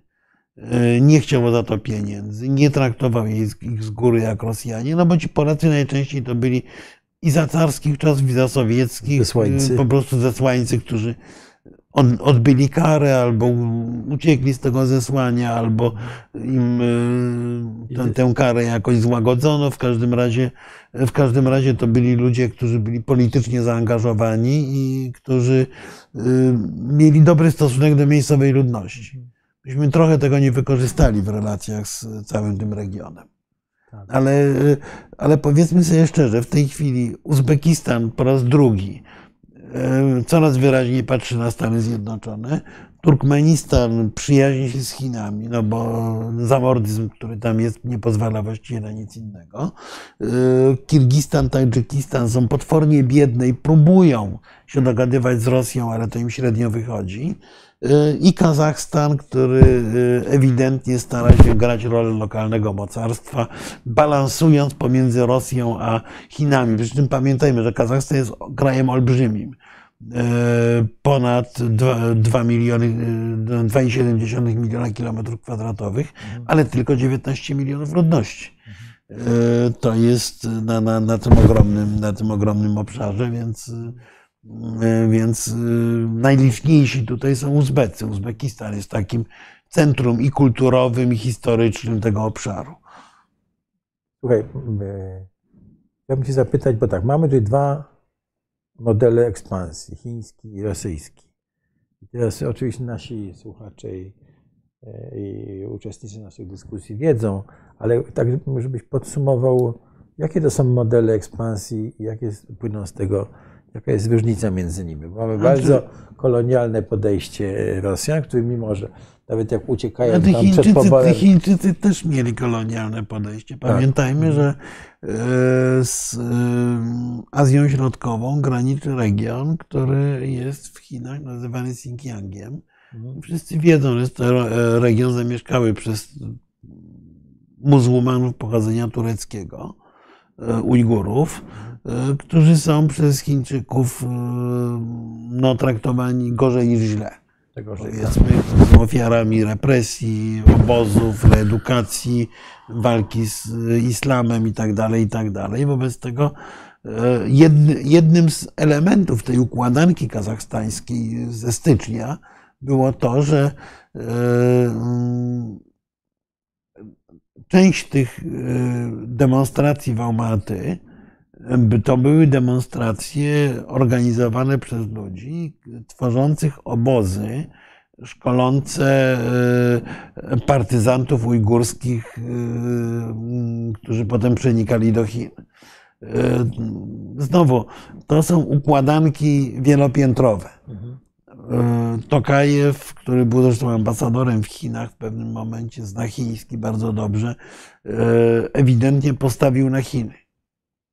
Nazarbajew, a właściwie nie tyle Nazarbajew, ile jego kuzyni, którzy zarządzali służbami specjalnymi, e, postawili raczej na właśnie wspieranie tych Ujgurów i na e, związki z Rosją. Wobec tego to jeszcze to było to zderzenie. Ono było w tle walki o władzę w Kazachstanie i sporu rosyjsko-chińskiego, ale ono też, też, się tutaj, też się tutaj pojawiało. A jeszcze jakie interesy tu ma Zachód? Jeśli idzie o modele, Rosja oczywiście, znaczy Rosja, bądźmy szczerzy, Rosjanie w głowie im się nie mieściło, że ta Azja Środkowa się może o cokolwiek upomnieć. Oni uważali, że to jest ich po prostu i koniec. To jest tak, jak oni w ogromnej części uważają, że Ukraina jest Rosją, tak uważali, że Kazachstan jest Rosją, a reszta to są jakieś peryferie w ogóle dzikie, którymi się nie należy przejmować, bo oni bez nas tak zginą z głodu. Takie było myślenie mm, takiego szeregowego członka mm, elit, elit rosyjskich. I nagle się okazało, że z tym jest kłopot. No, w czasie wojny w Afganistanie oczywiście zaczęli tam Amerykanie się pojawiać. Yy, Zresztą Amerykanie, Koreańczycy tuż po odzyskaniu niepodległości przez, przez te kraje też próbowali się tam zaangażować. Pamiętajmy, że w Uzbekistanie w początkowej fazie wojny afgańskiej Amerykanie też mieli, e, też mieli swoją bazę, co prawda już nie bazę wojskową, tak jak ma nas w Kirgistanie, tylko bazę taką przesiadkową, a na przykład Uzbekistan był jednym z tych miejsc, gdzie istniały tajne więzienia CIA. I podobno najokrutniejsze, jeśli chodzi o przesłuchania i stosowanie tortur. Yy, Więc yy, ta, ta układanka ma bardzo wiele pięter. Yy, Rosja od pewnego momentu zorientowała się, że im się coś się zaczyna wynik, wymykać. Pamiętajmy, że tutaj wobec Rosjan miejscowi mieli taki, taką, bądźmy szczerzy, rasistowsko podszytą niechęć. Ja y, nie chcę cytować y, y, dosłownie, bo było to dość, do, do, do, do, dość brzydko e, powiedziane, ale ja zapamiętałem kiedyś z wizyty w Kazachstanie w początku lat 90. spotkanie z młodym politykiem, potem między innymi ministrem spraw zagranicznych z tego klanu Nazarbajewa. Wtedy on był w- wtedy pracował bezpośrednio z prezydentem, no i on mnie odprowadzał na lotnisko. Jak po, po mojej wizycie w e, Kazachstanie. No i ja naiwnie zapytałem, no tu macie dużo Rosjan, jak tu, ja- jak wyglądają ma- małżeństwa mieszane kazachsko-rosyjskie? Czy więcej jest małżeństw Rosjanin-Kazaszka, czy, czy Kazach-Rosjanka? Na co ten młody człowiek się na mnie popatrzył, oburzył się i mówi, ty sądzisz, że my byśmy pozwolili, żeby Rosjanin wziął naszą dziewczynę? To niemożliwe. To są tylko małżeństwa Kazach i Rosjanka. Więc nie możemy wziąć Rosjankę. Rosjance naszej dziewczyny nie oddamy. Rosjanowi, Rosjaninowi nie oddamy. Kiedy, kiedyś indziej, jak byłem z kolei w Kazachstanie, to e, w tamtejszej prasie przewalało się dosłownie e, seria artykułów o terrorze rosyjskim, o tym, jak Rosjanie odcinają Kazachstan od świata, jak sobie można na to pozwolić. E, powodem było to, że Rosjanie zatrzymali jacht kazachstański, który płynął kanałem Wołga-Don, czyli z Morza tak, Czarnego na Morze Kaspijskie. Chciał przepłynąć i Rosjanie jakieś wstręty robili. Gazety były pełne opowieści o tym, że nie możemy dopuścić do tego panoszenia się Rosjan i tak dalej. No, Rosjanie y, byli y, eliminowani ze stanowisk. W pewnym momencie Nazarbajew musiał to wręcz przyhamować, bo, y, no bo zaczęło brakować specjalistów po prostu. I koniec końców bardzo podobny proces był w Uzbekistanie. Też musieli w pewnej chwili przestać, bo, bo, bo zaczęło brakować inżynierów. Na przykład, bo Rosjanie uciekali, no bo, no bo był. Zagrożenie nawet było. Tak? Znaczy, może nie tyle zagrożenie, ile po prostu był, był wymóg znajomości miejscowego języka, jakiś tam deklaracji lojalności i tak dalej, i tak dalej. Zwróćmy uwagę, że w tej chwili i w Kazachstanie, i w Uzbekistanie trwa proces e, przechodzenia E, miejscowych języków na alfabet łaciński, bo one były zapisywane e, zmodyfikowaną wersją cyrylicy. W tej chwili tę cyrylicę odrzucono i e, turecką transkrypcję łacinki ma się, przy, przy wprowadzić. Oczywiście Rosjanie protestują, ale, ale krok po kroku ten, ten, ten, ten proces następuje, więc Rosjanie generalnie byli tutaj nielubiani, odrzucani, traktowani jako, jako kolonialiści. Rosja e, właściwie wyłącznie opierała się na, na, na dominacji militarnej, na tym, że e, dostarczała broń, że elita wojskowa była szkolona w Rosji i tak dalej, i tak dalej. Chiny z kolei mają świadomość e, pewnej wrażliwości miejscowych, zbudowanej na tysiącach lat historii dominacji kulturowej Chin. Oczywiście Chińczycy również głęboko pogardzają narodami turańskimi, e, uważając zresztą wszystkimi nami też pogardzają też, tak, tak naprawdę. Ale Chiny przychodzą z prostą ofertą. Kupujemy wasze surowce, budujemy wam infrastrukturę e, i inwestujemy pieniądze. Teoretycznie nie chcemy nic w zamian. Ale oczywiście w pewnym momencie to, to, to, to będzie skumulowany rachunek, którego nie będą te kraje potrafiły zapłacić. Więc o ile Kazachstan ma opcję, Kazachstan i Uzbekistan mają opcję lawirowania, Turkmenistan jest na tyle odległy, że, że może sobie pozwolić na te związki z Chinami, to Kirgistan i Tadżykistan są w sytuacji bardzo trudnej. A z kolei Kirgistan i Tadżykistan dla Chin skończyć, bo półtorej godziny gadam, to, to, po prostu. Tak, ale jeszcze mamy Chiny do omówienia. Mamy Chiny do omówienia, mamy nadzieję, że mamy pytania, bo, bo nam tak, mapa nam je zasłania. Ale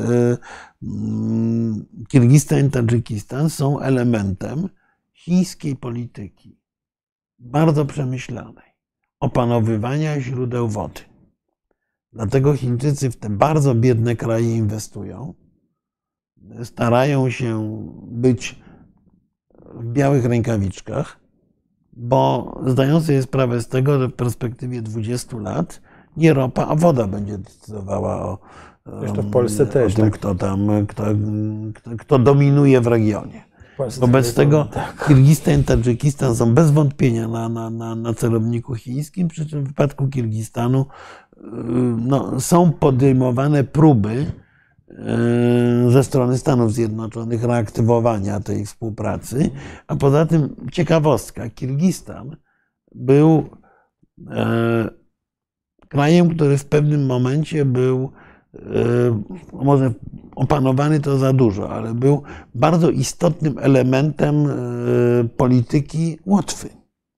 Botysze inwestowali w Kirgistanie, no, zorientowali, po prostu przejrzeli, gdzie mają możliwości, skalę i aktywa.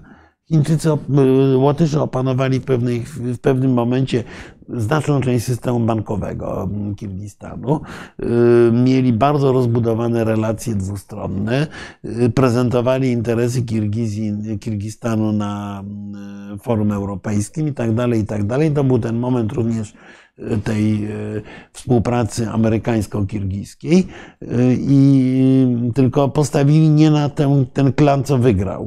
Wobec tego po jednym z przewrotów y, no właśnie duża część łotewskich menedżerów musiała gwałtownie uciekać z, No tak.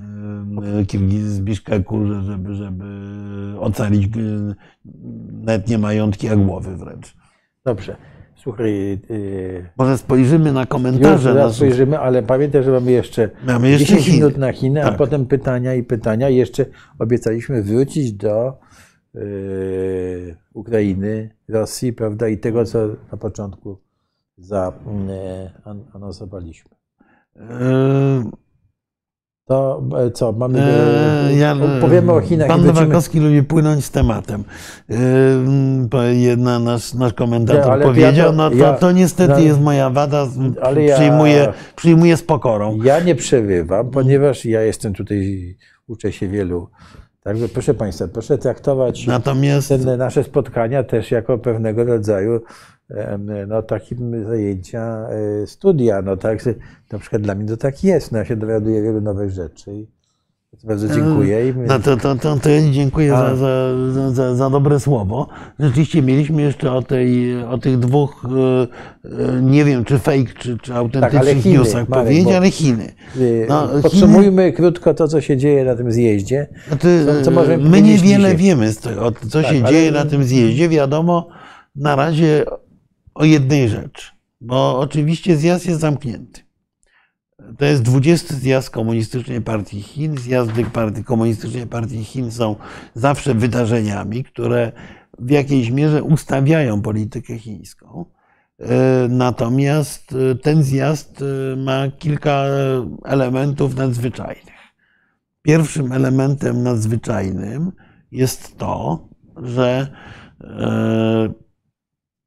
ma nastąpić powrót do przeszłości. Ma nastąpić powrót do modelu władzy, który właściwie zniknął w, e, po odejściu Mao Zedonga.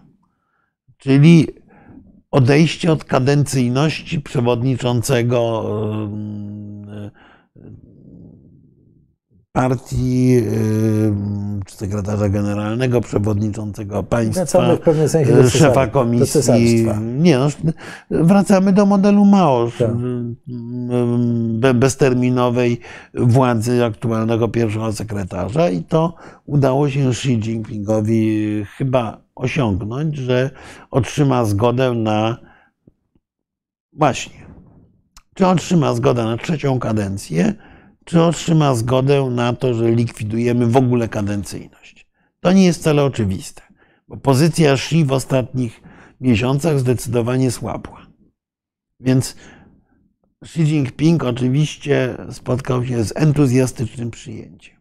Ale to entuzjastyczne przyjęcie na zjeździe, yy, te gromkie brawa, oczywiście dotyczyły wszystkich sukcesów i stłumienia pokojów w Hongkongu i yy, epidemii COVID-19. Natomiast zdecydowanie najdłuższy aplauz wywołało stwierdzenie Xi, że zjednoczenie ojczyzny musi zostać osiągnięte i zostanie osiągnięte za moich czasów. Yy, Mowa oczywiście o zaborze Tajwanu. Czyli, krótko mówiąc, przewodniczący Xi swoją kontynuację władzy buduje na takim etosie nacjonalistycznym, czy etosie wręcz e, e, ekspansjonistycznym. zdobędziemy Tajwan, powiada. To jest moje zadanie. Ja chcę pozostać przy władzy, żeby zdobyć Tajwan. I to z kolei wywołuje entuzjazm tych dwóch tysięcy, prawie trzech tysięcy delegatów. Jak o tym mówisz, to mi się 2296. wybory na Ukrainie, jak Zeleński mówił, prawda, odzyskam e, Donbas, Krym i No, by- tak. było to, ale to tylko tak na, Tak, no ale- marginesie, że to w, w polityce, oczywiście e, zachowanie tutaj tu, mówimy, zachowanie wszystkich proporcji to podaje, bo ale bo tak w polityce jest, że w takim programie wyborczym dla ludzi się Tak. tak, mówi. A Chińczycy e, mają w ten Tajwan po prostu wdrukowany jak, Znaczy, jak, jak ale, nie, ale nie tylko wdrukowany. Pamiętajmy, że ten Tajwan stał się od pewnego momentu e, takim trochę wehikułem budującym popularność Xi Jinpinga. On e, próbuje, e, ponieważ gospodarczo Chiny wyglądają marnie w tej chwili. e, Międzynarodowy Fundusz Walutowy zakłada, że ten rok zamknął 3% wzrostem. To na Chiny, gdzie te wzrosty były zwykle dwucyfrowe, to to jest właściwie recesja. Więc ta obietnica prosperity gospodarczej zaczyna się trochę załamywać. No więc zamiast tego należy e, wyciągnąć smoka nacjonalizmu i ten nacjonalizm chiński w wykonaniu Xi Jinpinga ewidentnie jest eksploatowany bardzo mocno, tylko on się staje w pewnym Xi się staje w pewnym momencie zakładnikiem własnej opowieści. No bo skoro jego popularność jest zbudowana na opowieści o tym, że on zdobędzie Tajwan, no to, to jak go nie zdobędzie, to będzie niedobrze.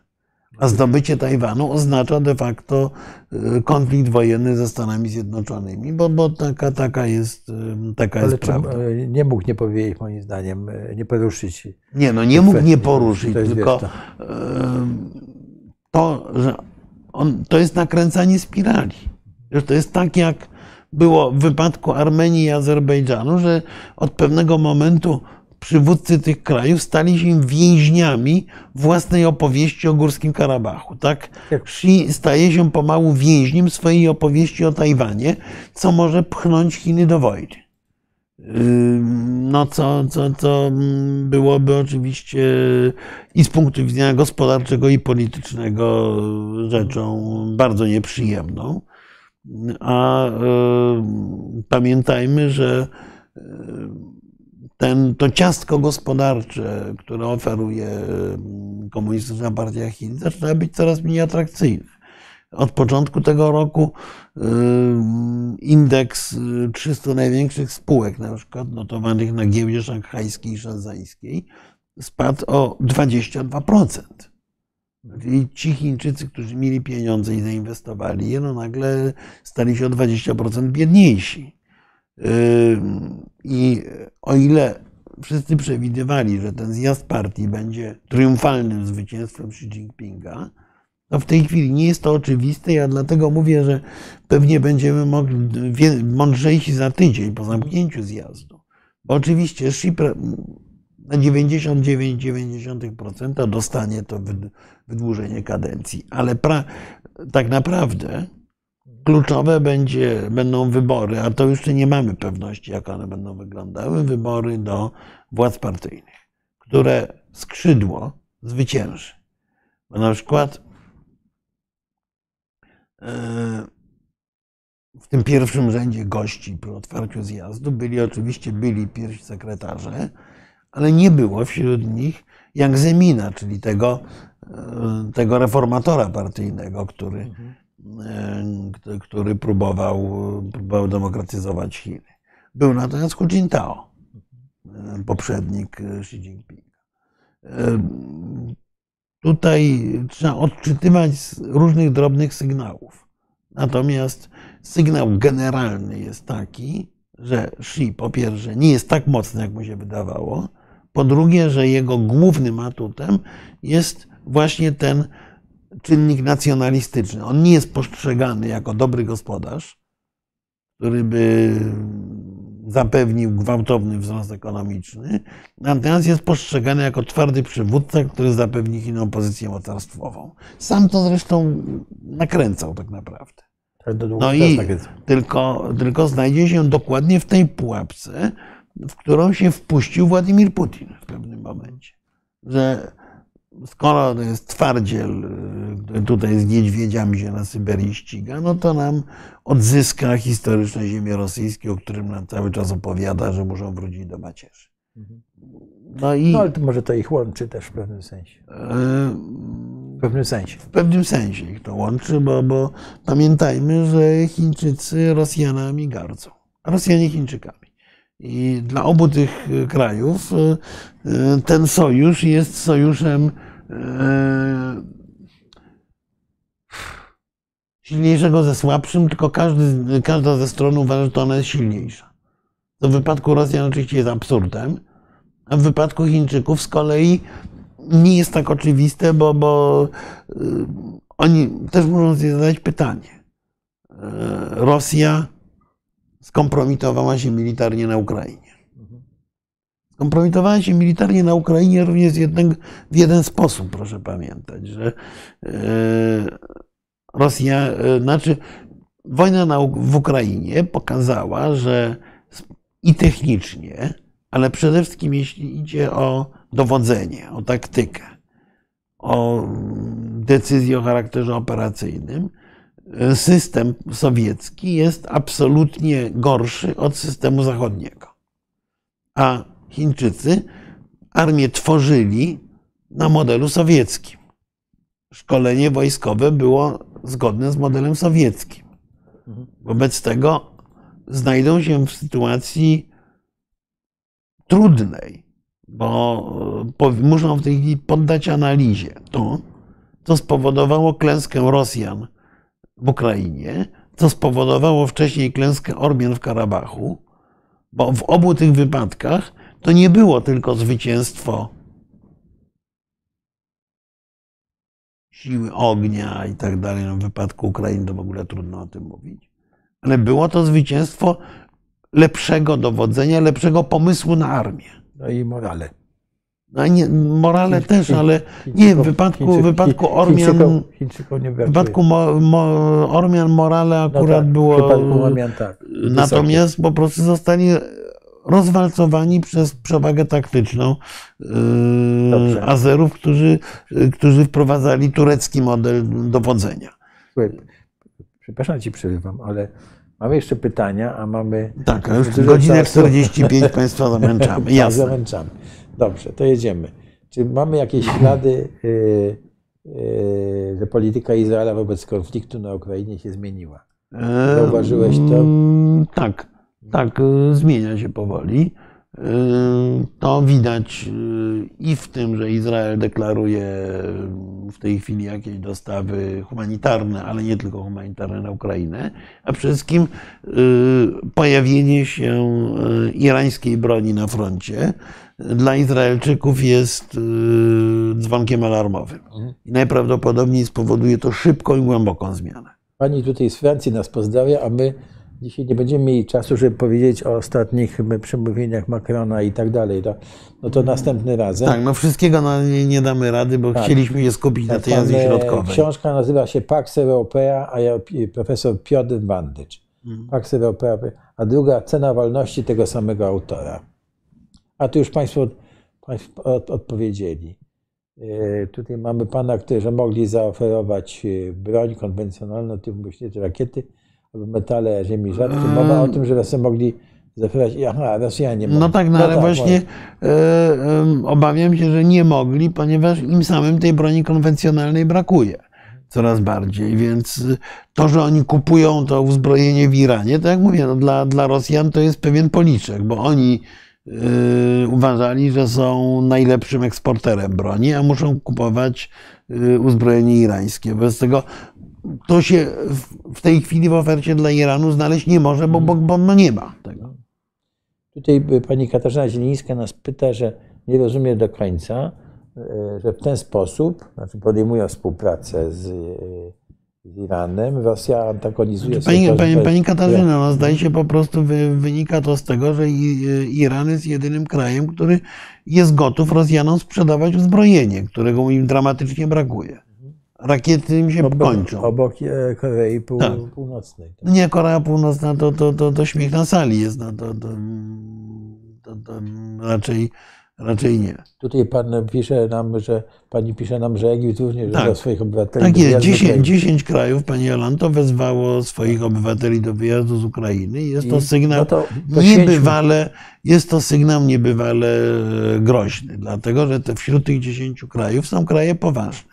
Jest, są Chiny, są Indie, jest Egipt, są wszystkie kraje Azji Środkowej i jakby zestaw tych krajów, które wezwały swoich obywateli do wyjazdu z Ukrainy, pokrywa się w gruncie rzeczy z tymi, którzy spotykali się ostatnio z Władimirem Putinem. Więc to by znaczyło, że Putin im powiedział na zamkniętych spotkaniach, że jest zdeterminowany albo do bezpośredniego i niszczącego ataku na Kijów, albo do użycia broni masowego rażenia, być może biologicznej, a nie atomowej, wszystko jedno, no bo ten sygnał oznacza, że po 18, em, czyli za kilka dni, nastąpi jakieś uderzenie rosyjskie e, w Ukrainę, które może grozić życiu cywilów, którzy tam pracują i mieszkają. Zwracam uwagę, że Chińczycy się nie, nie ewakuowali nawet w czasie wojny lutowej. Więc to, to oznacza, że to, to, to jest sygnał poważny, o ile ta wiadomość jest potwierdzona, bo to się pojawiło w internecie, nie wiem czy, czy w pełni oficjalnie, ale jeżeli to jest wiadomość potwierdzona, to, to, to jest ona niesłychanie groźna, bo wskazuje na ogromne zagrożenie eskalacją konfliktu, dużo większe niż byśmy sądzili. Zwłaszcza, że jak mówię, ona się łączy z drugą informacją, e, którą e, na rosyjskich kanałach społecznościowych się przewija, że mieszkańcy dzielnic, kilku dzielnic Moskwy otrzymali polecenie natychmiastowego usunięcia z garaży podziemnych swoich samochodów. I że garaże podziemne mają, jak mówią władze, podlegać inspekcji, ale też gdzieś się tam po tych sieciach społecznościowych już przewija informacja, że są przygotowywane już łóżka, zapasy wody i tak dalej, które mogą, mają być tam instalowane. To by oznaczało, że Rosjanie po pierwsze szykują się do wojny na serio, a po drugie, że wzięli na serio i się nie przestraszyli tych gruźb Zachodu, które pod ich adresem zostały wypowiedziane. Ym, Chciałbym się mylić, ale oba te sygnały wskazują na możliwość daleko idącej eskalacji konfliktu y, na ukraińskiego i być może właśnie nie wyłącznie na terenie Ukrainy. Pani Katarzyna Zielińska y, pyta nas, nas o wypowiedź Macrona, że Francja nie użyje broni atomowej w odpowiedzi na uderzenie. Ale ewentualne- Francja ma, pani Katarzyna, Francja ma pewien y, dość jasno zarysowany model użycia broni atomowej. Francja ma w zasadzie wyłącznie broń o charakterze strategicznym. Y, I, y, I w gruncie rzeczy to jest, to jest mniej więcej tak jak deklaracja Łysego, że od dzisiaj nie używam grzebienia.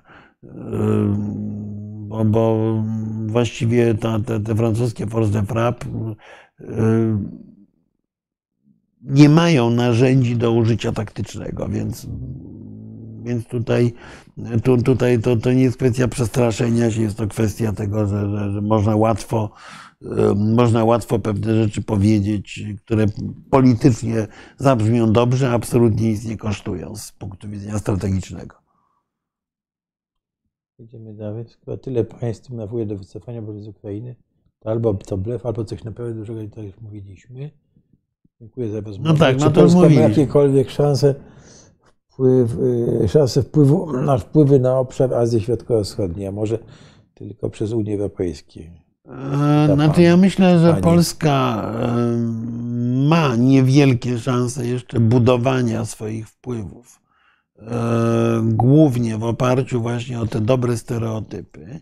O to, że Polska nie jest podejrzewana w tamtym obszarze o imperializm, który jest podejrzewana i Rosja, i Ameryka, i Chiny.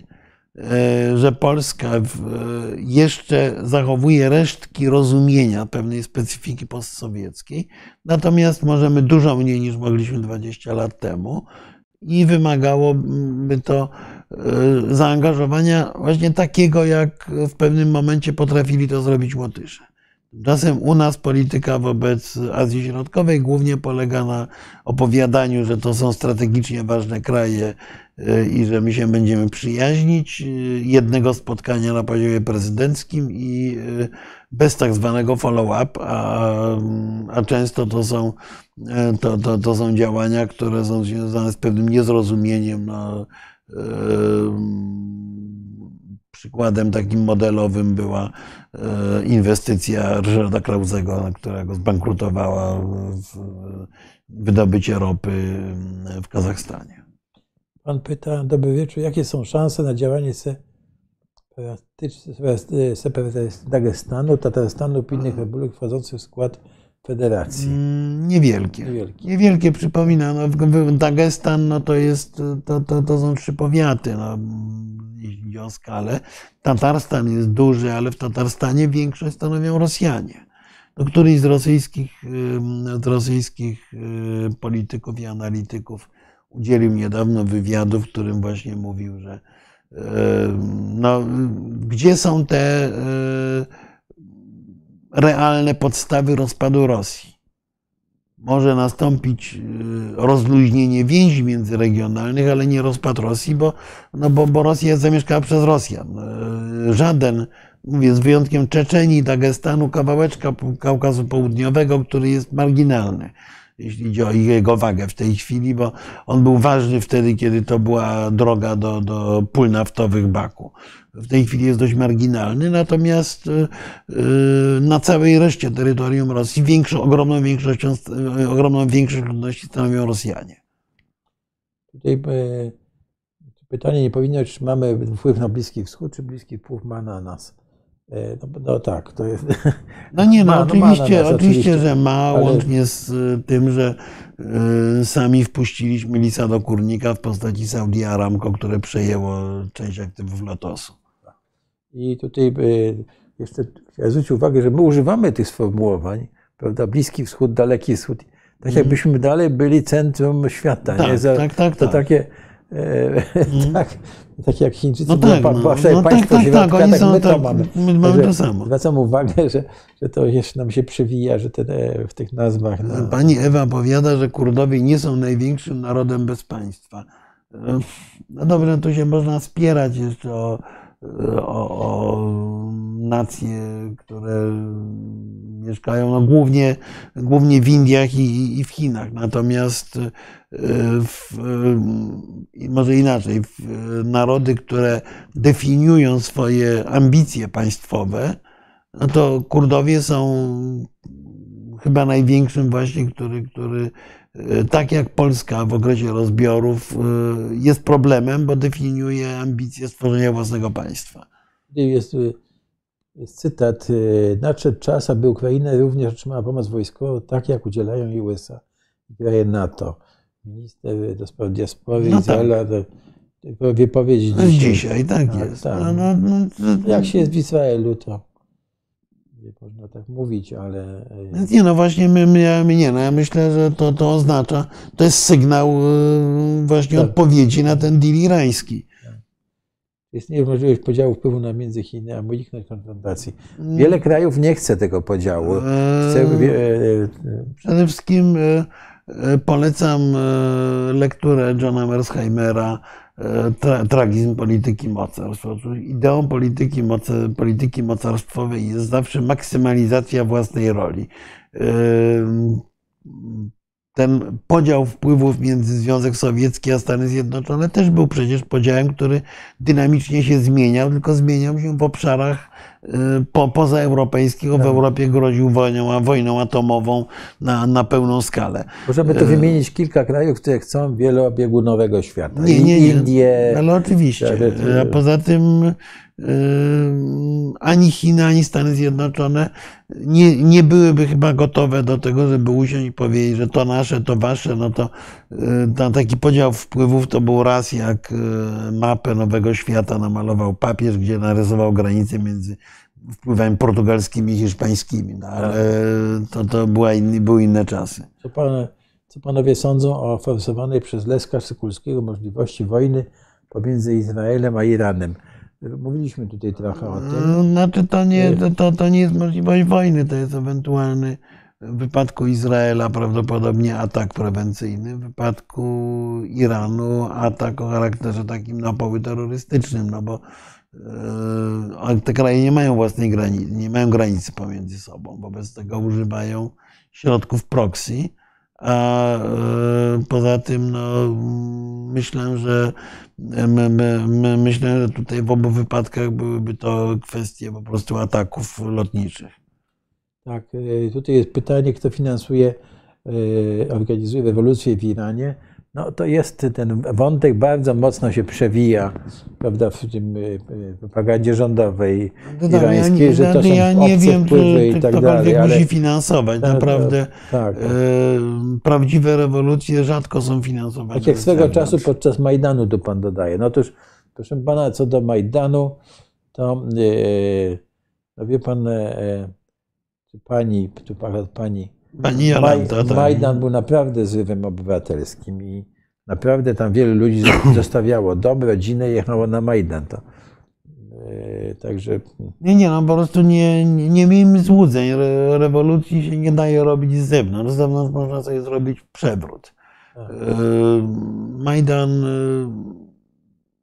Majdan, rewolucja irańska, czy są finansowane? No pewnie są jakieś organizacje e, praw człowieka, które, e, które dofinansowują niektóre działania, które drukują plakaty, Bóg wie co jeszcze. Pewnie tak, tylko trudno to określić mianem finansowania. Pewnie jakieś środki finansowe, być może rządowe z zachodu płyną, ale są grosze w stosunku do ciężaru gatunkowego wydarzeń. To, to takie spiskowe oglądanie historii, że ktoś zrobił rewolucję, bo ją sfinansował, jest y, dowodem chyba trochę na niezrozumienie dynamiki procesów społecznych. To Solidarności też zarzucano, po- poniekąd nie bez racji, że jest finansowana z zagranicy, tak? bo dostawała pieniądze z Zachodu. Lecz to znaczy, że CIA sfinansowało rewolucję w Polsce? Wątpię. nie no, CIA to raczej starało się tę rewolucję, że tak powiem, uspokoić, żeby No nie było Nie, interwencji. no, ale, ale nie, no, bo E, w, tak, ogóle no, ileś, tych, ileś powielaczy, ileś pieniędzy, wsparcie dla iluś osób, owszem, było. Tak co to samo było w Bo to już Ukrainie. mówimy o stanie, o stanie wojennym, Tak. mówimy, tak? Ale, Natomiast- ale ró- również wcześniej te, te organizacje demokratyczne jakieś tam minimalne wsparcie miały. Tak. Natomiast y, y, umówmy się, że to, y, to wsparcie by niczego nie y, Odwołał się do innego przykładu. Wsparcie niewątpliwie zagra- za- zagraniczne, też niewielkie, ale jednak stabilne, miały środowiska demokratyczne na Białorusi po roku y, 2000. No i co z tego? No i co z tego? No, y, dopóki nie, nie, do, nie nastąpił wybuch społeczny roku 2020, to opozycja wegetowała na marginesie, mimo otrzymywania tego wsparcia.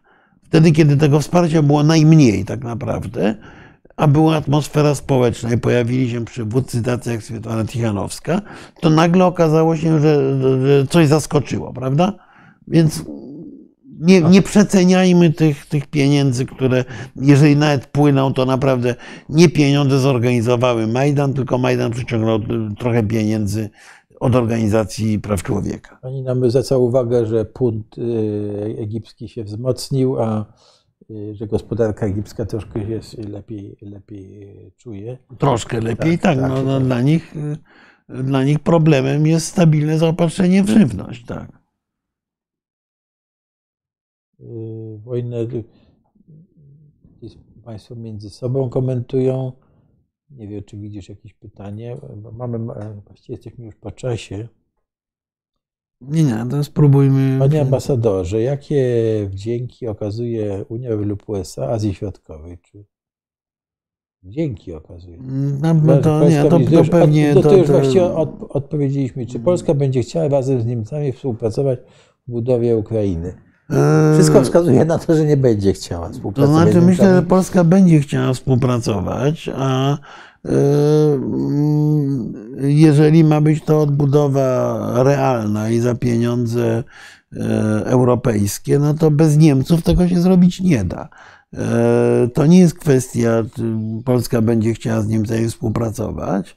E, To jest kwestia tego, że tę współpracę w sposób rozsądny poukładać. To, to, to, to nie jest proste, bo oczywiście e, nie czarujmy się. Większość krajów europejskich, myślę, że u nas również, będzie chciała na tym po prostu zarobić. Tak. Yy, I wyważenie pomiędzy tym, że donatorzy chcą w miarę szybkich zysków, a koniecznością odbudowy Ukrainy będzie najtrudniejszym zadaniem i dla biznesu, i dla polityki. No ale żeby cokolwiek razem odbudowywać, to trzeba, e, że tak powiem, utrzymywać jakieś relacje. Także Mm. e, z tym mamy kłopot, jak widać. Znaczy tak, no, no oczywiście jeszcze zawsze mamy, ma- mamy możliwość, że e, zwycięskie oddziały e, polskie zajmą Niemcy i wtedy będziemy z Niemcami odbudowywać Ukrainę. Tak, rządzić w Europie będziemy. Tak, okupowanymi, ale. Dlatego się tak zbroimy. No. Mm, tak. Polska się zbroi, żeby Nie, nie, no, nie, Niemcy. nie, no Polska się zbroi rzeczywiście, bo zagrożenie, zresztą jak widać po, po, tych informacjach dotyczących y, wyjazdu z Ukrainy, zagrożenie jest realne. Tak. Co jeszcze chcemy e, powiedzieć? E, Chyba już będziemy, chyba ostatnie pytanie. Nie, no to, Mamy Lech, spróbujmy. Lech Kaczyński aktywnie chciał działać w Azji Środkowej, namawiał się do większego regionie, jeśli chodzi o aspekt energetyczny, jak e, słynny rociąg Odessa-Brody. Em, Znaczy, ja powiem tak, Lech Kaczyński rzeczywiście chciał działać. Ja Państwu opowiem autentyczną anegdotę, bo jakoś po jednej z wizyt nomina sunt odiosa, jednego z ministrów rządu właśnie czasów e, pierwszego rządu PiSu, e, który w Kazachstanie był, rozmawiał o współpracy. E, e, Spotkałem się z tym samym ministrem kazachstańskim na, na niwie czysto towarzyskiej. Już nie, nie pamiętam z jakiej okazji byłem, chyba były jakieś wybory wtedy w Kazachstanie, byłem obserwatorem. W każdym razie spotkałem się, byłem z e, tym ministrem, który dwa, dwa dni wcześniej rozmawiał z przedstawicielem polskiego rządu. No i, e, i on mi z taką lisią miną, typową dla, dla rozmów, rozmów niektórych politycznych w Azji Środkowej, on mi z lisią miną mówi, że no przyjechał nam taki, mówi, żeśmy nie współpracowali z Rosjanami, tylko, tylko z Polakami i Ukraińcami, zbudowali, sprzedawali naszą ropę do, do Europy. Mówi i, y, i potem się uśmiecha i mówi, no tak, ale y, ten Polak zapomniał, że musimy zaprosić Chińczyków. Ja z kolei ze zdziwieniem pytam, no dlaczego zaprosić Chińczyków?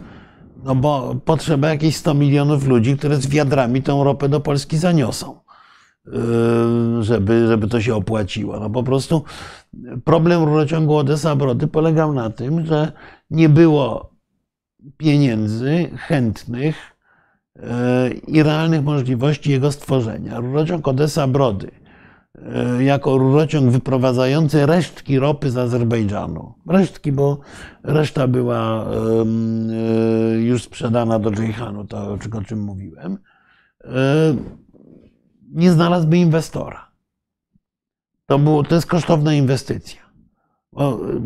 Ja rozmawiałem z jednym z, z kolei z ministrów yy, rządu, który był pełen entuzjazmu do rurociągu Odessa-Brody i zadałem proste pytanie. No skąd ropa? Z Kazachstanu. Aha.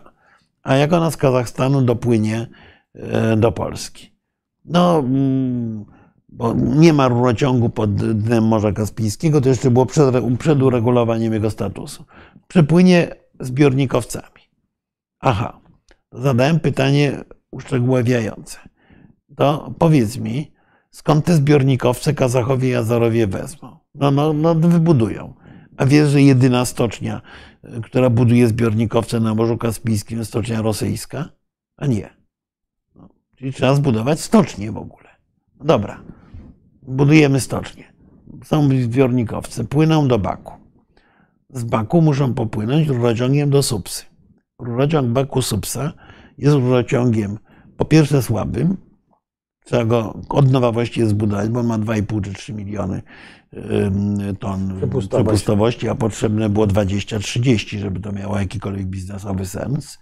Yy, Więc mówię tak, po pierwsze, ten rurociąg przechodzi między innymi przez obszary chronione przyrodniczo. Rosjanie zorganizują na całym świecie demonstracje w obronie tej przyrody gruzińskiej, która rzekomo zostaje zniszczona. Po drugie, ten rurociąg przechodzi w zasięgu ataku artyleryjskiego rosyjskiego z y, obszaru Osetii. Wobec tego, jaki inwestor wyłoży grube pieniądze na taki rurociąg? Wątpliwe. Ale dobra, zbudowaliśmy rurociąg, mamy port w Supsie, pompujemy, ten, pompujemy tę ropę. Na co pompujemy? No na tankowce. Aha. Znowu. Tak, to było ileś lat temu. Proste pytanie. To, są, to mogą być tankowce, nie mogą być bardzo wielkie, to muszą być takie 60, 80. Zdaje się, to tak wyglądało. Nie pamiętam dokładnie, wtedy byłem po, po lekturze dalej. E, Kupimy. A, a wiesz, że na najbliższe 4 lata wolumen zamówień w stoczniach jest już wypełniony? Nie. Aha. No dobra. Ale gdzieś zna- znaleźliśmy te zbiornikowce no to dopływają do terminala w Odessie. Terminal w Odessie jest przystosowany do przeładunku ropy, która potem może posłużyć y, ukraińskim rafineriom i tak dalej, i tak dalej. I zasadniczo terminal piwnienny wtedy był mniej więcej wypełniony w 80%. No dobra, no to, to go powiększymy. Aha, jak go powiększymy, to musimy jeszcze dobudować jedną elektrownię, bo prądu zacznie brakować. Dobra, zbudujemy. No i potem najprostsza rzecz to jest zbudowanie tego odcinka yy, z Brodów do, do, do, do polskiej granicy, tylko też nie do końca, no bo wtedy nasze rurociągi yy, nie będą mogły obsługiwać yy, importu ropy z, przez Gdańsk do Płocka na przykład, bo będzie pompować ropę, y, ropę kazachstańską do, do, do portu w Gdańsku, no bo nie tylko dla nas przecież ta ropa jest, bo to nie stać nas na zbudowanie takiego rurociągu, tylko musi wejść do sieci handlowej europejskiej, czyli wyjść na Morze Bałtyckie. No to w przybliżeniu tak wyglądała ta konstrukcja, więc oczywiście pomysł był dobry, tylko żeby był dobry pomysł, to prezydent Stanów Zjednoczonych w Stambule yy, przez tydzień rozmawiał z największym biznesem światowym, który żeby sfinansował rurociąg Baku-Jayhan. Dużo prostszy, dużo mniejszy i mający wielkie perspektywy. I przede wszystkim sponsora w osobie prezydenta Stanów Zjednoczonych. Yy, W polityce nie liczy się pomysł. W polityce liczy się zdolność przekucia go na, na, na realia. Słuchaj, my mamy już e, 10 minut po czasie. Wydaje mi się, że e, musimy kończyć. Yy, No spójrzmy jeszcze, co tam. No, jeszcze pan tutaj pyta, prawda, że mówiłeś kiedyś, o, że ten Kaliningrad stracił znaczenie, ale rakiety można stamtąd wystrzeliwać. No można wystrzeliwać, Można, no i tak. do tego, i do tego się to sprowadza. Ale można je też zestrzeliwać, Yy, prawda? Tak, a Bo- poza tym yy, można dość łatwo zablokować dowóz następnych. Bez tego można Tak. wystrzelić to, co jest zgromadzone na miejscu. Znaczy, Kaliningrad, najogólniej mówiąc, yy, stał się yy, miejscem z yy, takiego przyczółka ofensywnego, stał się twierdzą do obrony, bo yy, zmieniła się geografia militarna Bałtyku. Że jak roz, były rozmowy, były ćwiczenia mówiące o obronie państw bałtyckich, to nikt nie przewidywał transportu wojsk, czy w ogóle komunikacji morzem. Uważano, że Rosjanie nad tym zapanują właśnie dzięki Kaliningradowi i dzięki temu, że kraje neutralne nie będą włączone do wojny. Po wejściu Ukrainy, yy, Szwecji i Finlandii do NATO, sytuacja się całkowicie zmi- zmienia. Rosja jest wypchnięta. Siły lotnicze i siły, woj, siły rakietowe NATO pozwalają na ochronę transportu y, na ochronę. Zresztą to, że ćwiczenia okrę, okrętów natowskich odbywają się dużo częściej w tej chwili na Bałtyku, są dowodem na to, że spece wojskowi zaczynają przygotowywać się do tego, że to morze będzie korytarzem transportowym. Jak morze będzie korytarzem transportowym, to w jaki sposób jakiekolwiek uzupełnienia do Kaliningradu będą mogły płynąć. A żeby atakować, trzeba mieć dużą przewagę i część uzupełnienia. Więc Kaliningrad o tyle zmienił swoją rolę. Tyle. Słuchaj, my musimy kończyć. Marku, musimy, jeszcze- musimy, musimy, nie, musimy. My przekroczyliśmy, wiesz, 2,15. 2,15 to już jest za, za dużo. Także Tak, no tutaj genialny pomysł, powinniśmy się zrobić referendum i znacjonalizować niemieckie firmy na terenie Polski. Yy, Nie, no to już są takie- Nie, no ja sobie myślę, bo to, jest bardzo szkodliwe, to jest, bo to jest w ogóle pomysł, że ukraść, yy, że najlepiej jest ukraść po prostu cudze. Tak, nie, gadania. To znaczy powiedzonko, że kradzione nie tuczy jest niesłychanie, nie, nie, nie, niesłychanie słuszne. Przecież, tak, nie, ale, nie, ale w ogóle nacjonalizacji i tak dalej. Tak. Nie no, przecież proszę Państwa, no popatrzcie na tę nieszczęsną Europę, która ma tysiące słabości, ale która funkcjonuje głównie dlatego, że ze sobą współpracuje. Nie na poziomie państw. Bo to polega na tym, że goście z firmy spotykają się i, i, i, i, i, i wymieniają się swoimi produktami, nie muszą czekać na cło, nie muszą czekać na czyjejś zgody. To spowodowało skokowe zwiększenie produkcji w Europie. Jeśli zaczniemy nacjonalizować, e, rabować, zabierać, zamykać się, to będziemy żyli tak, jak żyliśmy w czasach, kiedy nacjonalizowano, czyli w PRL-u. No. Jak ktoś ma ochotę mieć jedną parę rozpadających się butów, zamiast siedmiu par porządnych butów włoskich, tam pięciu, bo norma w tej chwili jest taka, że ktoś ma pięć par butów, natomiast w PRL miał jedną i to go, i marną. Buty włoskie w ogóle dostawało się odcisków na oczach. Nie mówię o innych rzeczach. O czymkolwiek, nie wiem. O, przecież kupowaliśmy jakąś obrzydliwą harę o nazwie Napoleon za dolary i to był luksusowy napitek. Za 4 dolary się kupowało w Peweksie yy, brandy, które, którego w tej chwili najgorszemu wrogowi państwo nie dali do wypicia. Właśnie. Y, ale było z Peweksu przecież. No i y, ludzie, y, nacjonalizacja, zam, zamykanie się cła to jest po prostu zabójstwo. Zabójcze wszystkich. Dobrze, musimy e, pa- chyba kończyć już. Proszę Państwa, e, bardzo Państwu dziękujemy. Tutaj jeszcze ktoś próbuje nam mówić Niemcy, Niemcy, upadek, Panie Ambasadorze. E, cokolwiek to znaczy. Musimy Tak, no właśnie zastanawiam, co to znaczy, ale Tak, może, mo, mo, mo, może komentator wyjaśni. tak, ale my tutaj nie mamy ani fobii, ani nie mamy. E, Po prostu Niemcy mają swoje interesy, my mamy swoje i e, w dużej mierze żyjemy w czasach, kiedy te interesy są, proszę Państwa, po prostu zbieżne. I po prostu spróbujmy, e, sztuka polega na tym, żeby to wykorzystać dla dobra naszych i przyszłych pokoleń, tak? No dokładnie. No. I, i tyle. Także Znaczy, ja nie wiem, jak ty wytrzymujesz tyle czasu, więc dziękujemy Państwu. Znaczy myśmy powinni z Niemcy, o, o Niemczech myśleć tak, jak Irlandczycy myśleli o Anglikach. E, Po prostu za, zakasali rękawy, pościągali firmy, zabrali się do roboty, po czym z dumą, to też pamiętam kiedyś ze spotkania z, lata temu z premierem Tak, tak Irlandii, który im powiedział, słuchaj, największy sukces dla mnie to jest to, że po raz pierwszy od stuleci to Anglicy przyjeżdżają do nas szukać pracy, a nie my do Anglii. Tak. I po prostu róbmy swoje, a potem się cieszmy, że Niemcy przyjeżdżają do nas za robotą. Możemy to No, dobrze, zrobić. Dobrzy pracownicy są, na pewno. Dobrze, proszę Państwa, bardzo Państwu dziękujemy, pozdrawiamy serdecznie. Marku, Tak, dziękujemy. Ci.